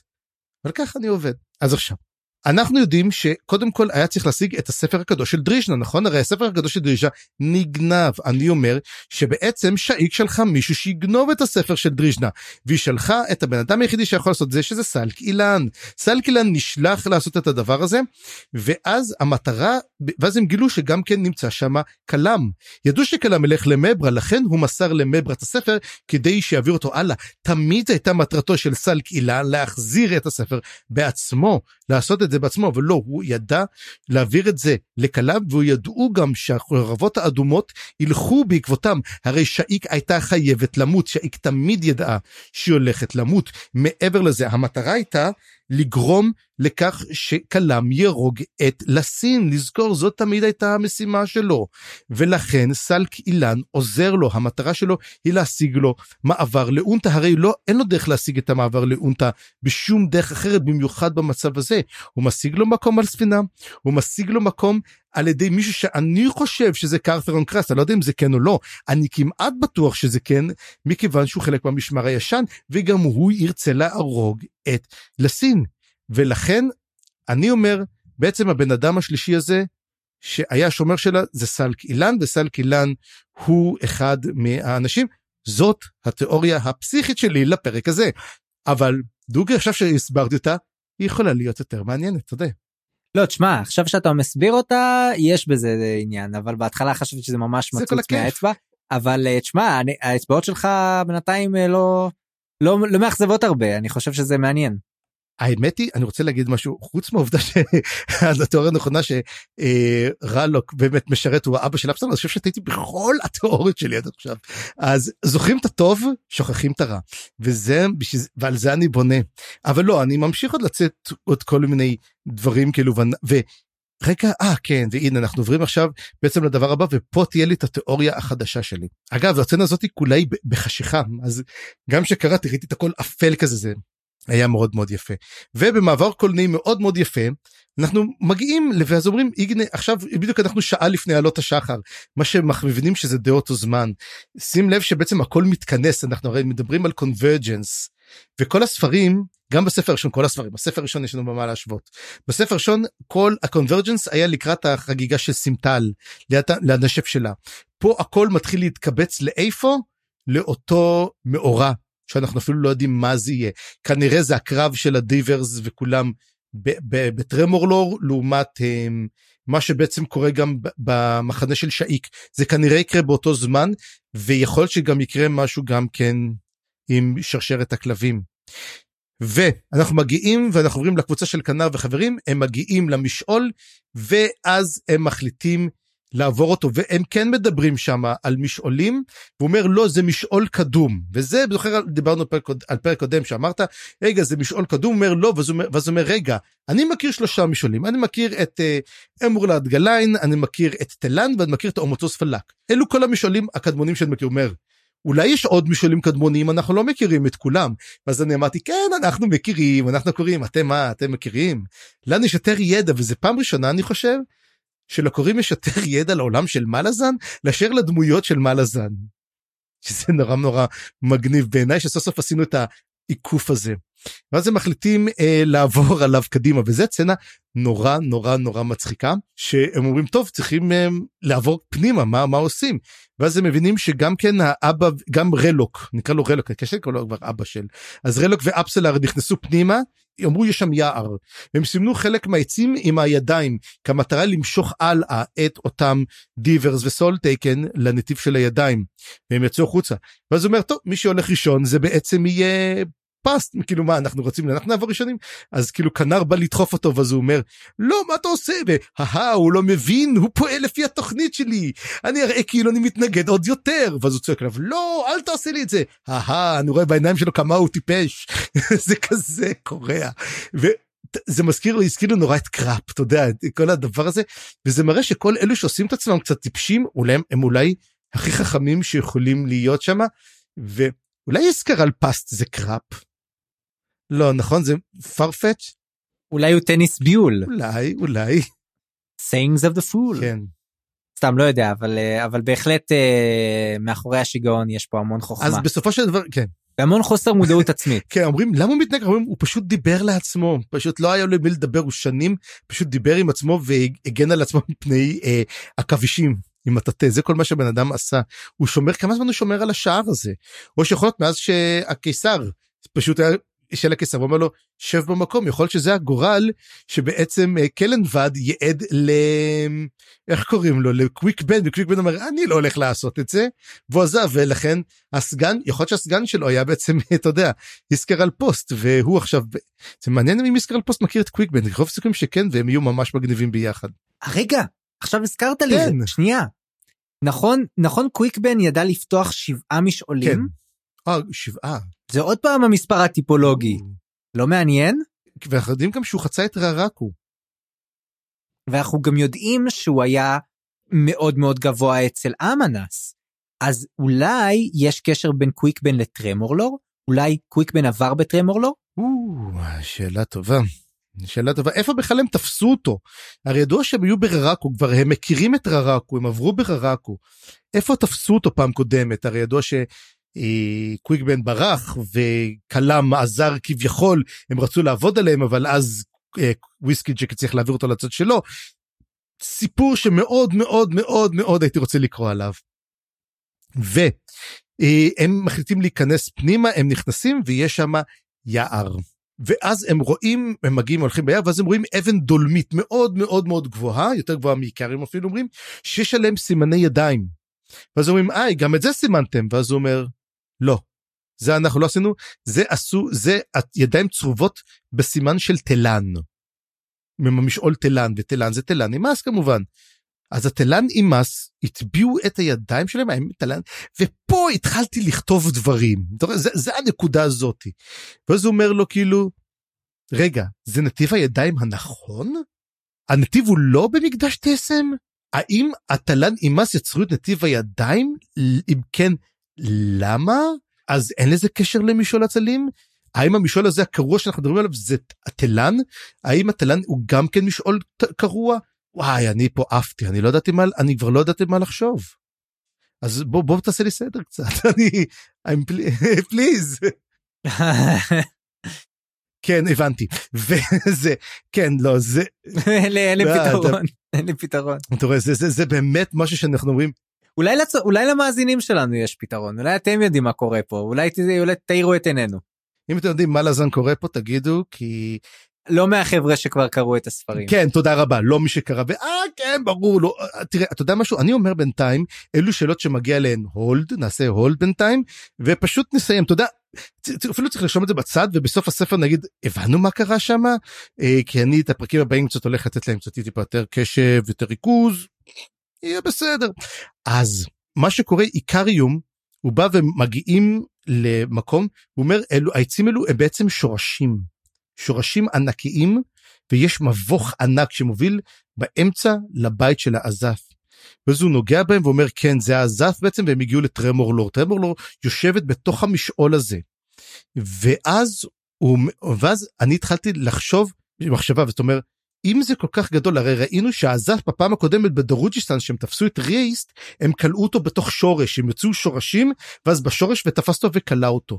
ואז אני אומר ככה כמה שורשים יש שם, זאת אומרת כמה כלואים בתוך הבית הזס הזה.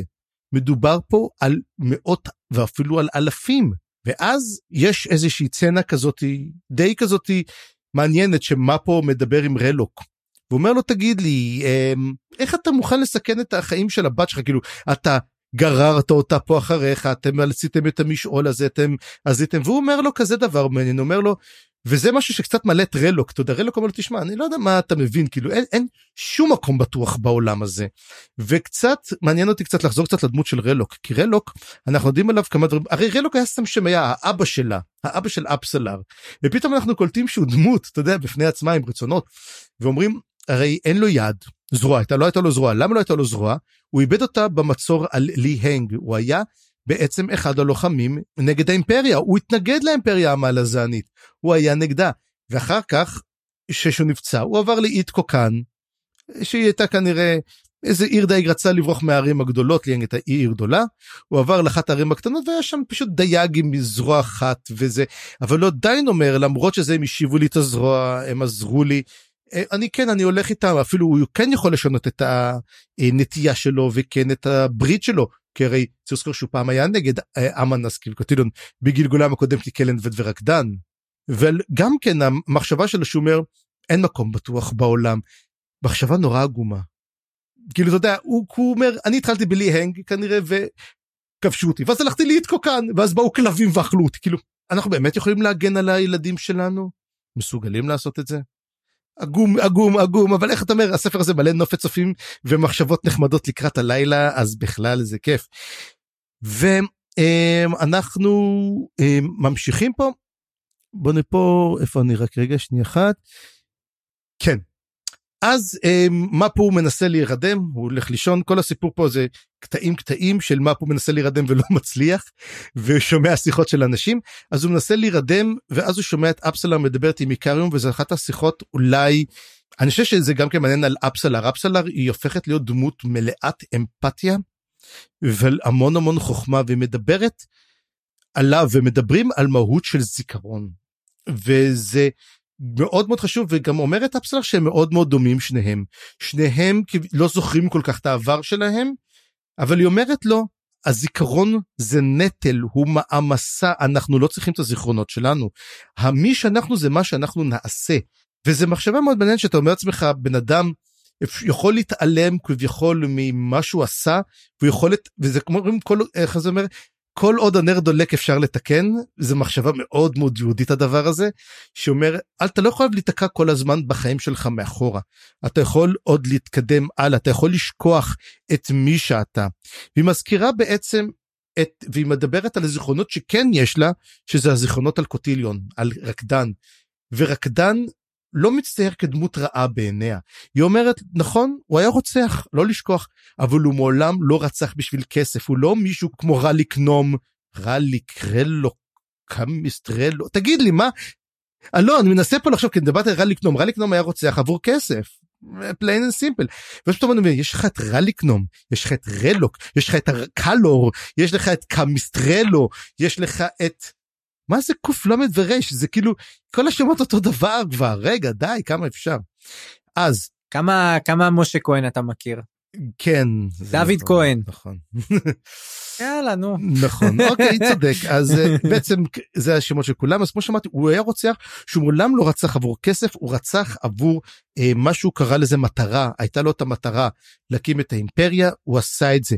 הוא ראה את עצמו כמי שמתקן דברים והדבר שהכי הדהים אותי גם שהוא מבין את, את לסין והוא לא כועס עליה על מה שהיא עשתה. זה משהו ממש ממש פסיכי והוא אומר היא עשתה את מה שעשתה למען טובת הכלל. הוא הבין שבעצם הם כן הם הזניחו את האימפריה הם לא היו שם הרבה שנים והיא לקחה על עצמה את המושכות בשביל כי דוגרי אי אפשר להמשיך ככה אימפריה והוא מבין אותה. למרות זאת עדיין הוא רוצה לנקום בה זה לא שהוא לא רוצה לא לנקום בה היא עדיין הוא מבין אותה ויש פה משהו עצוב בשיחה ביניהם כי רקדן לא התחיל כרע הוא לא היה אדם רע הוא כן הוא רצח הוא עשה אבל הייתה לו מטרה הייתה לו מטרה לשנות. אנחנו גם מבינים שגם הוא שינה בהתחלה את המקום שלו הוא רצח הרי את, את אותו מוק. אמ, שאמרו שרצחו את מוק וזה כנראה קרוב לשים בזה רקדן אמרו שהאימפריה רצחה אותו שלא הייתה אימפריה זה וזה היה טאטרסל נזכרת בזה וזה כנראה רקדן או לסין אחד משניהם הרג אותו. ו... היא זוכרת את זה וזאת אומרת כן הוא רצח אבל זה היה בשביל להיפטר בעצם מפיראט ששלט באופן כנראה די מזוויע על האם הלז וכנראה הוא רצח עוד הרבה שליטים אחרים והוא כנראה כאן עשה דברים שנחשבים לפשעים. למען המטרה. והיא מבינה את זה והיא אומרת כן אז אני יכולה לחשוב על כל הרציחות שעושה אני יכולה להיחנק מזה לא לא לתקוף אבל כן אני יכולה לקחת את מה שיש לי ולהתקדם עם זה קדימה. ואז היא אומרת לו תשמע אפילו אם אתה תעשה את זה אל תספר את זה למאפו, כי אתה תשבור לו את הלב. כי מאפו, יש לו מטרה אחת. מה המטרה של מאפו? המטרה שלו היא לא לשמור על הזיכרון. וזה שעומד לו, אתה תשבור לו את הלב ורגע תעשה את זה, תבין שכל העבודה שמאפו עשה הייתה לחינם. יודע, יודעת שהמטרה של מאפו היא למנוע ממנו להיזכר. והיא אומרת לו, תאמץ את זה. ואז למעשה כל הקורבן שעשה מאפו במשך כל כך מאות שנים, היה לחינם. וזה עצוב פה והיא בסוף אומרת לו קח ממחטה כאילו ג'אגים לא בוכים. כזה מין boys don't cry כזה אתה לא יכול לבכות. וזה שאמרה ג'אגים לא בוכים זה מה שיותר הזכיר לי את הקטע של ג'אגים הם יותר מכונות קרב. הם יותר כלי נשק. המטרה שלך לא לבכות המטרה שלך היא להרוג המטרה שלך היא לפגוע היא לעשות נזק. ופה בעצם מה הם הג'אגים האם בעצם הם ג'גות עם מי עם מי הם הזדווגו. אני לא יודע אם הם מסוגלים להזדווג עם חצי חצי למרות שאומרים טיסטה אנדי כן מסוגלים אבל הג'גותים הם בכלל נראים זרים נורא אז עם איזה גזע מדובר. לא יודע לא חשבתי על זה אבל כן חשבתי על זה שגם מפו בכה פה כאילו היה מין הם שניהם בכו באותו כן. באותו זמן. וזה היה רגע מאוד מרגש באמת. כן. ועכשיו ועכשיו אנחנו מגיעים לקטע שמה פה עוד פעם הולך לבכות זה כאילו מה פה בוכה זה שם הפרק והם מגיעים לקראת uh, קרב והם מבינים שמגיעים אלפי דיברס וסול טייקן והם הלכו בנתיב הדם ועכשיו כולם באים לתקוף אותם. עכשיו הם נטשו את המישורים והם מתקדמים בררקו כי זאת עובדה שהנה כי אם נזכר בתחילת הפרק אמרו שהוא פתח את המשעול בשביל להכניס את הפרפרים אז אומרים אה זה בטוח כבר להשתמש במשעולים כאילו הסולטקים והדיברס כבר לא נמצאים שם. הם כבר לא שם הם עכשיו כבר מתכוננים לכבוש את טרמורלור מה שנקרא הסתערות הגדולה על טרמורלור וכולם באים ואז אומרים יש רק דרך אחת בעצם לחסל אותם יש לנו להסתמך רק על, על אחד וזה על איקריום. ואיקריום הוא חייב לחסל אותם. אבל זה עדיין בית האזף, והאזף מזהה כוח. ומבין איקריום שזה כנראה הקרב האחרון שלו, כי לאחר שהוא יילחם, או במהלך הלחימה שלו, האזף ינסה לתפוס אותו. הוא יזהה את הכוח שלו ויגרור אותו פנימה. ועצוב פה שאיקריום אומר כן זה העונש ההולם על מה שעשיתי. איקריום מבין שהוא היה בן אדם אדם הוא היה יצור מאוד מאוד רע שעשה זוועות וזה מה שנותר לו עוד לעשות ומה פה והוא אומר לו למה פה נותן לך שבועה אחת אחרונה שאם יבואו לחסל אותי ולתפוס אותי אתה לא תעצור אתה עזף תיתן להם שיקחו אותי וזה איך זה איזה should be. רק פספסת שמה פה מגלה לו את זה בעצם. זאת אומרת מה פה אומר לו כן אתה צודק. אתה גרמת לרצח של המון המון אנשים אה, כשאתה מתחיל אה, להרוג אתה בעצם כל ה... כל מה שהבנו כבר מאחורי הקלעים מה שלקח לנו כל כך הרבה פרקים. כן הוא אומר לו אתה זוכר הוא אומר אתה זוכר שהיינו באי הזה אתה השמדת את האי הזה. הוא אומר אבל אפילו למרות הכל אתה זיהית את המכשיר שלך ולא נגעת בו. זאת אומרת יש לך זעם אבל אתה כאילו כאן מודע לראות קצת מה קורה בזעם שלך אבל הוא אומר לו תשמע איפה שאנחנו נמצאים עכשיו המשעול הזה הוא אומר זה המשעול שממנו אתה הגעת. אתה באת מהמשעול הזה וחזרת הביתה ולמעשה אתה די תקבל את הזיכרונות שלך פה והמסע של איקריום ומפו הסתיים. הם מבינים שזה החלק האחרון שלהם ביחד וזהו זה הם מתקרבים לקרב האחרון ואז הם, הם מתחילים הם, לחשוב מה לעשות ואז קרוקוס מעלה שאלה מאוד מאוד חשובה. וקרוקוס צריך קצת לדבר עליו במהלך הפרק הספר הזה. כי קרוקוס בעוד שראינו שבספר הקודם הוא ילד דביל כזה שהולך לכל מקום מה, אני לא יודע מה אני עושה וזה. קרוקוס יש לו שכל והוא די התגבר נראה לי על האינפטואשן שהיה לו עם אפסלר הוא כאילו הוא די הבין שזה המעשה הנכון אבל הוא אומר די אין לנו עתיד ביחד הוא די הולך לחפש נתיב שלו והוא מגלה שיש לו שכל. הוא מגלה את מישהו בזכות עצמו הוא ממש התנתק ממנה. אני אהבתי מאוד מאוד לראות אותו וקרוקוס מעלה את השאלה רגע אנחנו פה מדברים שהזס הולך לתפוס את איקריום והוא הולך לחסל אותם אבל מה יקרה אם קרוקוס אם מה יקרה אם איקריום יחסל את האזס. זאת שאלה שאף אחד לא חשב עליה כאילו פתאום פסט מסתכל על זה ופסט בשוק. הוא אומר אוקיי על זה לא חשבנו כרגע. ויש סיכוי שעיקר איום הוא האחרון שצריך להילחם. זאת אומרת הוא חייב גיבוי לפני שהוא עצמו נלחץ כי בזעם שלו הוא יכול לחסל את האזף. ואם הוא יחסל את האזף כל מי שכלוא בתוך האזס הזה ישתחרר. זה גם כן משהו שאנחנו לא ידענו זאת אומרת הבית כלא הזה נפתח כולם יוצאים ומה נמצא בתוך מתחת לאזס הזה זה דברים נוראים ככל הנראה ולכן צריך אה, לשמור על איקריום אבל עדיין אנחנו צריכים אותו שיילחם וצריכים למצוא פתרון ולכן פוסט אומר הנה אני אדבר רגע אני רגע אדבר רגע בשכל עם אה, אמנס רגע ואז הוא אומר או הנה הוא שולח כוח גיבוי כמה נהדר איזה חכם הוא ואת מי שולח הוא שולח את הכלבים. הנה עוד uh, הכלבים כלבי הצללים מגיעים אחרי שלא ראינו אותם אני חושב ספר שלם נכון? נכון uh, חמישה כלבים אבל לא שבעה. כן מינוס שתי אז זהו זה מדובר שהם מתו. אז עכשיו הם, הם חולצו מתוך הדרג ניפור אבל הם עדיין מתו. ומגיעים החמישה מובילה אותם אה, בליינד העיוורת ורוד מאחורה ושאן כמובן אומרים היא הכי מסוכנת מביניהם עם העיניים האדומות ותוך כדי שהם הם, הם, הם, כאילו מתייצבים היא נותנת כזה מכה ככה נותנת מכה כזה לא נעימה לאיסקרל פוסט מעיפה אותו ואז כאילו אומרים לו נו זהו זה גם אתה עכשיו בצרות אומר מה פתאום? איזה כלבלבה מתוקה היא סתם באה לתת לי חיבוק היא כל כך מתלהבת. וזהו זה הם מתכוננים לקרב הגדול. אלף דיברס וסול טייקן מול חמישה כלבי צללים ועוד החבורה עצמה לפני שעיקר איום. place your bets place your bets. וכן ואחרי שבעצם הכלבים יסיימו רק אז עיקר איום. יוכל לעשות את זה וזה על זמן.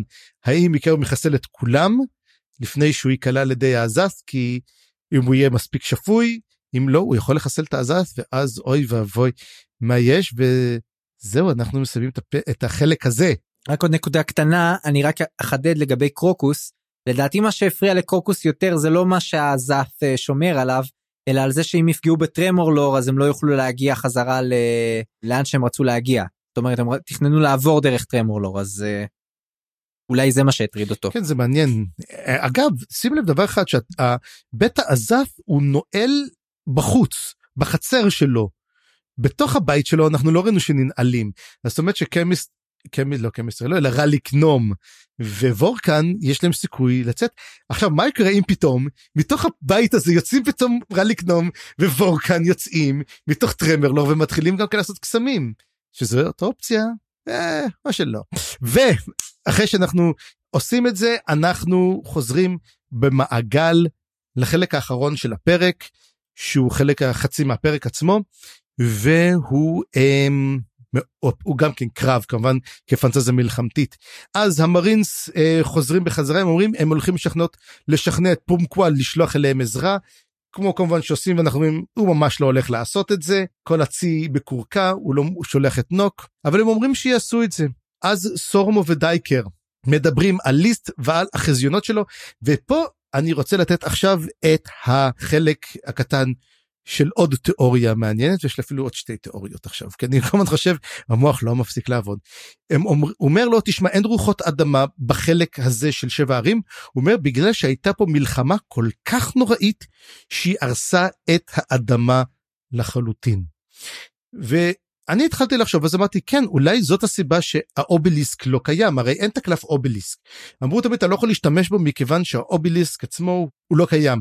היה פה איזה משהו שפצע כנראה את ברן והיא עיקר את פשוט את הנוכחות שלה מהמקום הזה. אבל מה קורה אם למעשה איקריום הוא בעצם ההתגשמות של אותה אדמה של אותו חלק. או מה אם איקריום השמיד את החלק הזה, הוא עשה את הדבר הנוראי הזה כל כך, והוא נוצר בתוכו את המהות, הוא הרג אל או חלק מהאליו, והוא בעצם נוצר בתוכו את אותה מהות האובליסק שנמצא והוא מסתובב. ומה עם הניימלס וואנס? הם לא בעצם רוצים, אתם יודעים, למנוע, למנוע מהטבח הזה, אלא לשמור על אותו חלק של ברן שמסתובב שם. ומה המשמעות תהיה אם החלק של זה ייקבר בטרמור לא האם זה לטובה האם זה לרעה. תיאוריות מאוד מעניינות וזה כמובן מתחבר הכל למה שליסט אמר מקודם החיזיון שלו היה זה בעצם מה שהוא ראה. ואז הוא אומר מישהו מנווט את החלומות שלו. אומרים מישהו מנווט את החלומות הרי אנחנו רואים שגם כל קריאות קלפים כל דבר נשגבים מסוימים מכוונים אותם. ולכן הוא אומר מי ואז הוא שואל אותו רגע אבל איזה ג'גות מכוון את הזה אז אני דבר שאני אמרתי אמרתי אולי גוטוס כי תמיד שאומרים ג'גות זה גוטוס. אבל אז אמרתי לעצמי משהו אחד רגע יכול להיות שיש לנו אלים כי אנחנו יודעים שהרי איך קוראים להם אמנס וקוטיליון הם אלים והם היו פעם בני אדם. האם חלק מהאלים היו פעם ג'גהותים? הם היו חלק תלן אימאסים? היו פורקרול אסאיל? קצ'אן צ'מאלה? האם, האם אותם גזעים שאנחנו רואים נכחדו נעלמו הם בעצם האלים. האם אין אלים? אתה יודע אלים זה בעצם שלב אבולוציוני מתקדם. האם הג'ג... כל פשוט הג'גהותים הפורקרולה סייל האלו הם אלים כלשהו? ואז אני רציתי לשאול אותך האם יש לך רעיון איזה אל יכול? דוד האם יש לנו אל עם שם של ג'גהותים משהו כמו רייסט משהו שמשתמש בדברים האלו.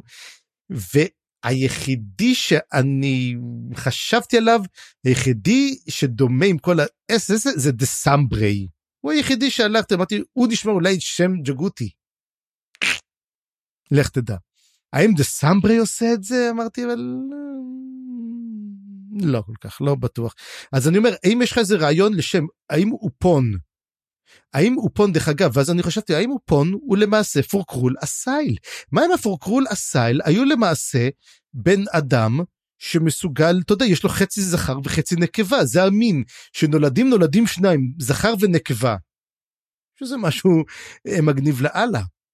אתה יודע כל מיני דברים כאלו שאתה או שלמשל אופון היה אתה יודע מין דיברס שיכול להתפצל לשתיים יש כל כך הרבה אופציות פה שאנחנו לא מכירים אבל צריך לראות אנחנו לא נתקלנו כל כך האם, האם קרול הוא כבר קרול הסייל אנחנו לא יודעים מי הם. אמ, שאלה לא יודע. תיאוריה. כן. תשמע תיאוריות פה זורמות כמו מים אז אני ואז בעצם שמתחילים לדבר מגיע שליח תמיד הם אוהבים בקטע הזה בפרק הזה כל פעם מגיע שליח ומספר מה קורה. אז הם מגיעים ואז מגיע שליח ואומר תשמעו חבר'ה האצילים החליטו לחצות. הם לא חיכו. הם, הם, הם, הם עכשיו שם. חבר'ה זאת אומרת תבואו הם עכשיו שם ושומע את זה קולטיין ואומר מה מתברר שהם העבירו שגריר בחשאי שהוא נכנס למחנה ואמר להם יאללה בואו בואו בואו אני מוציא אתכם מפה והוא לקח אותם שכנע אותם לעבור את הנהר. וקולטיין מגיע להחלטה נוראית הייתי אומר אבל היחידה שהוא מסוגל לעשות פה והוא אומר אני לא הולך לסכן את הצבא שלי. הוא אומר תן להם לחצות. אבל דבר אחד כן תעשו קחו את החבלנים אותם חבלנים שאין להם מדים אין להם כלום הם נראים כמו אזרחים מן השורה שלח אותם בין אותם פליטים ותיתן להם uh, ללכת. וגם כן מי עוד אה, גם אתה דייקר כאילו אתה גם כן תבואו ותצטר, ותצטרף אליהם. והם uh, מגיעים לאזור הזה שם והם רואים שסוף סוף מה עשו שם אותם עצים הם כרתו עצים הם הקימו על, על הנהר רמון רפסודות מעץ שעליהם יושבים קשתים וחיילים אנשים והם צריכים לעבור בעצם באמצע יש להם חבל שהם צריכים לתפוס אותו ופשוט לגרור את עצמם לאורך הנהר.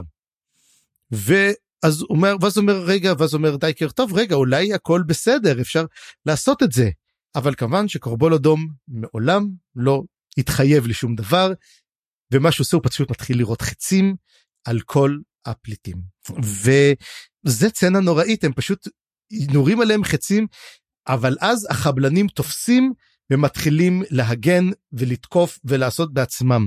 עכשיו המתקפה הזאתי היא התקפה מאוד מאוד קריטית נפגעים המון המון אבל קורבול אדום עושה שתי טעויות ראשיות. דבר אחד הם נגמרים החצים אחרי זמן מוגבל כי מדובר על כמות מוגבלת של אנשים.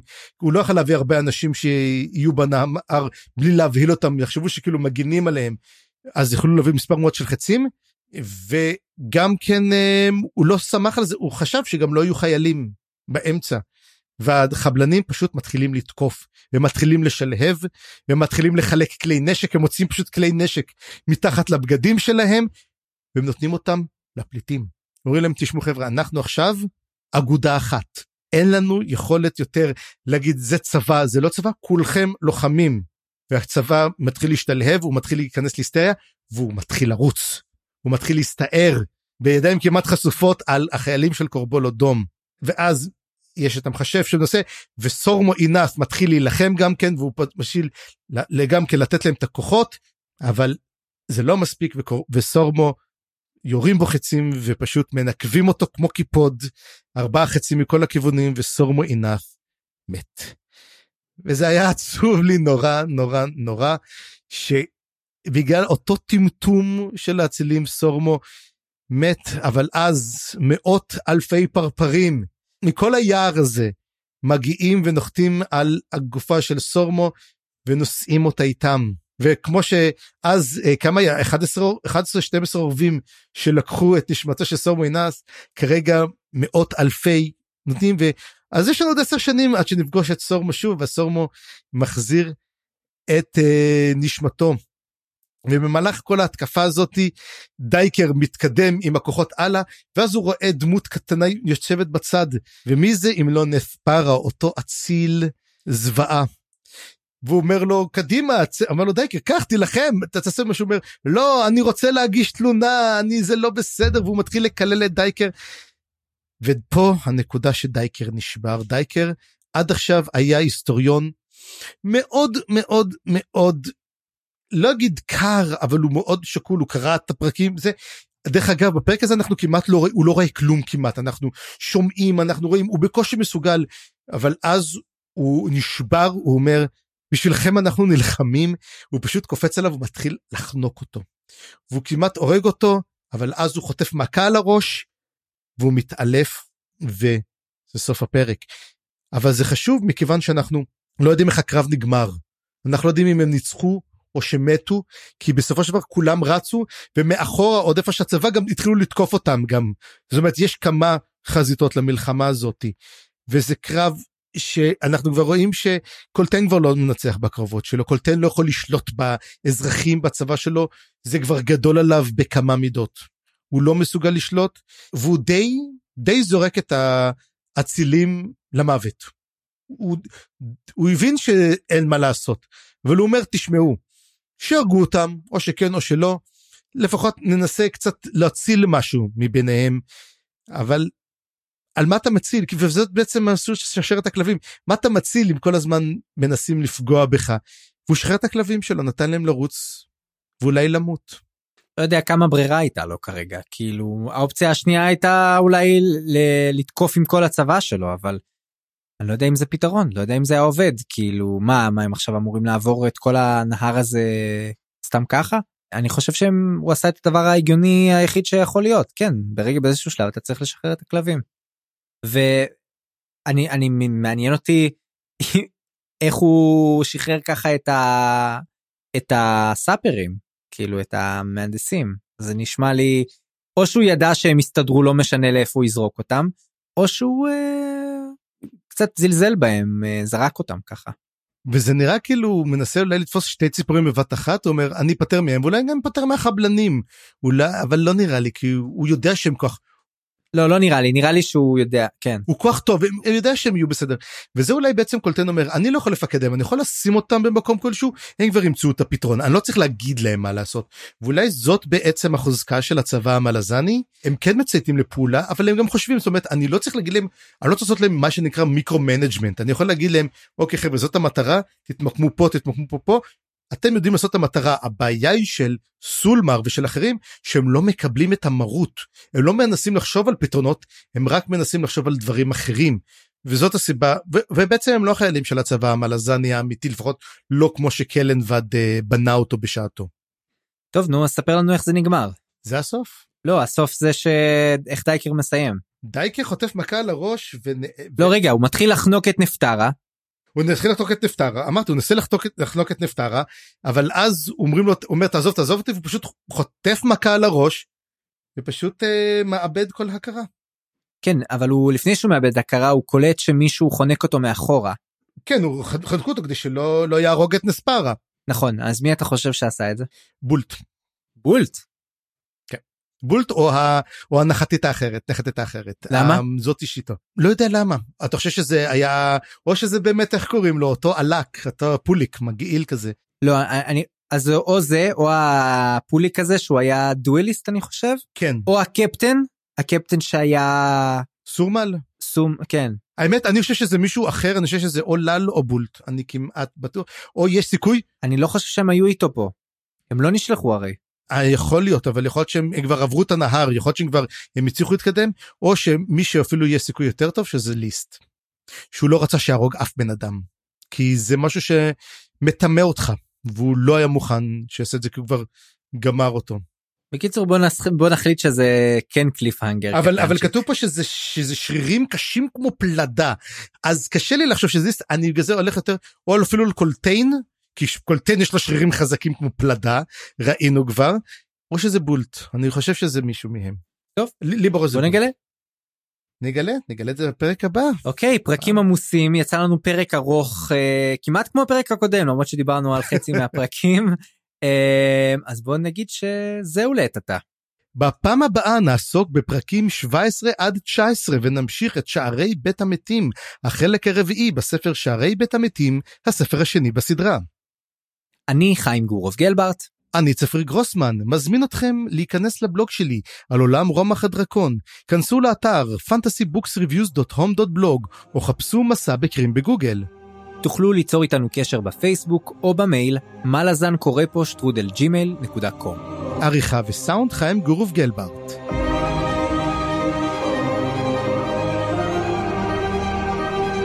הצטרפו אלינו לדיונים בקבוצת הפייסבוק, מה לזן קבוצת קריאה. תודה שהאזנתם, וניפגש בפרק הבא.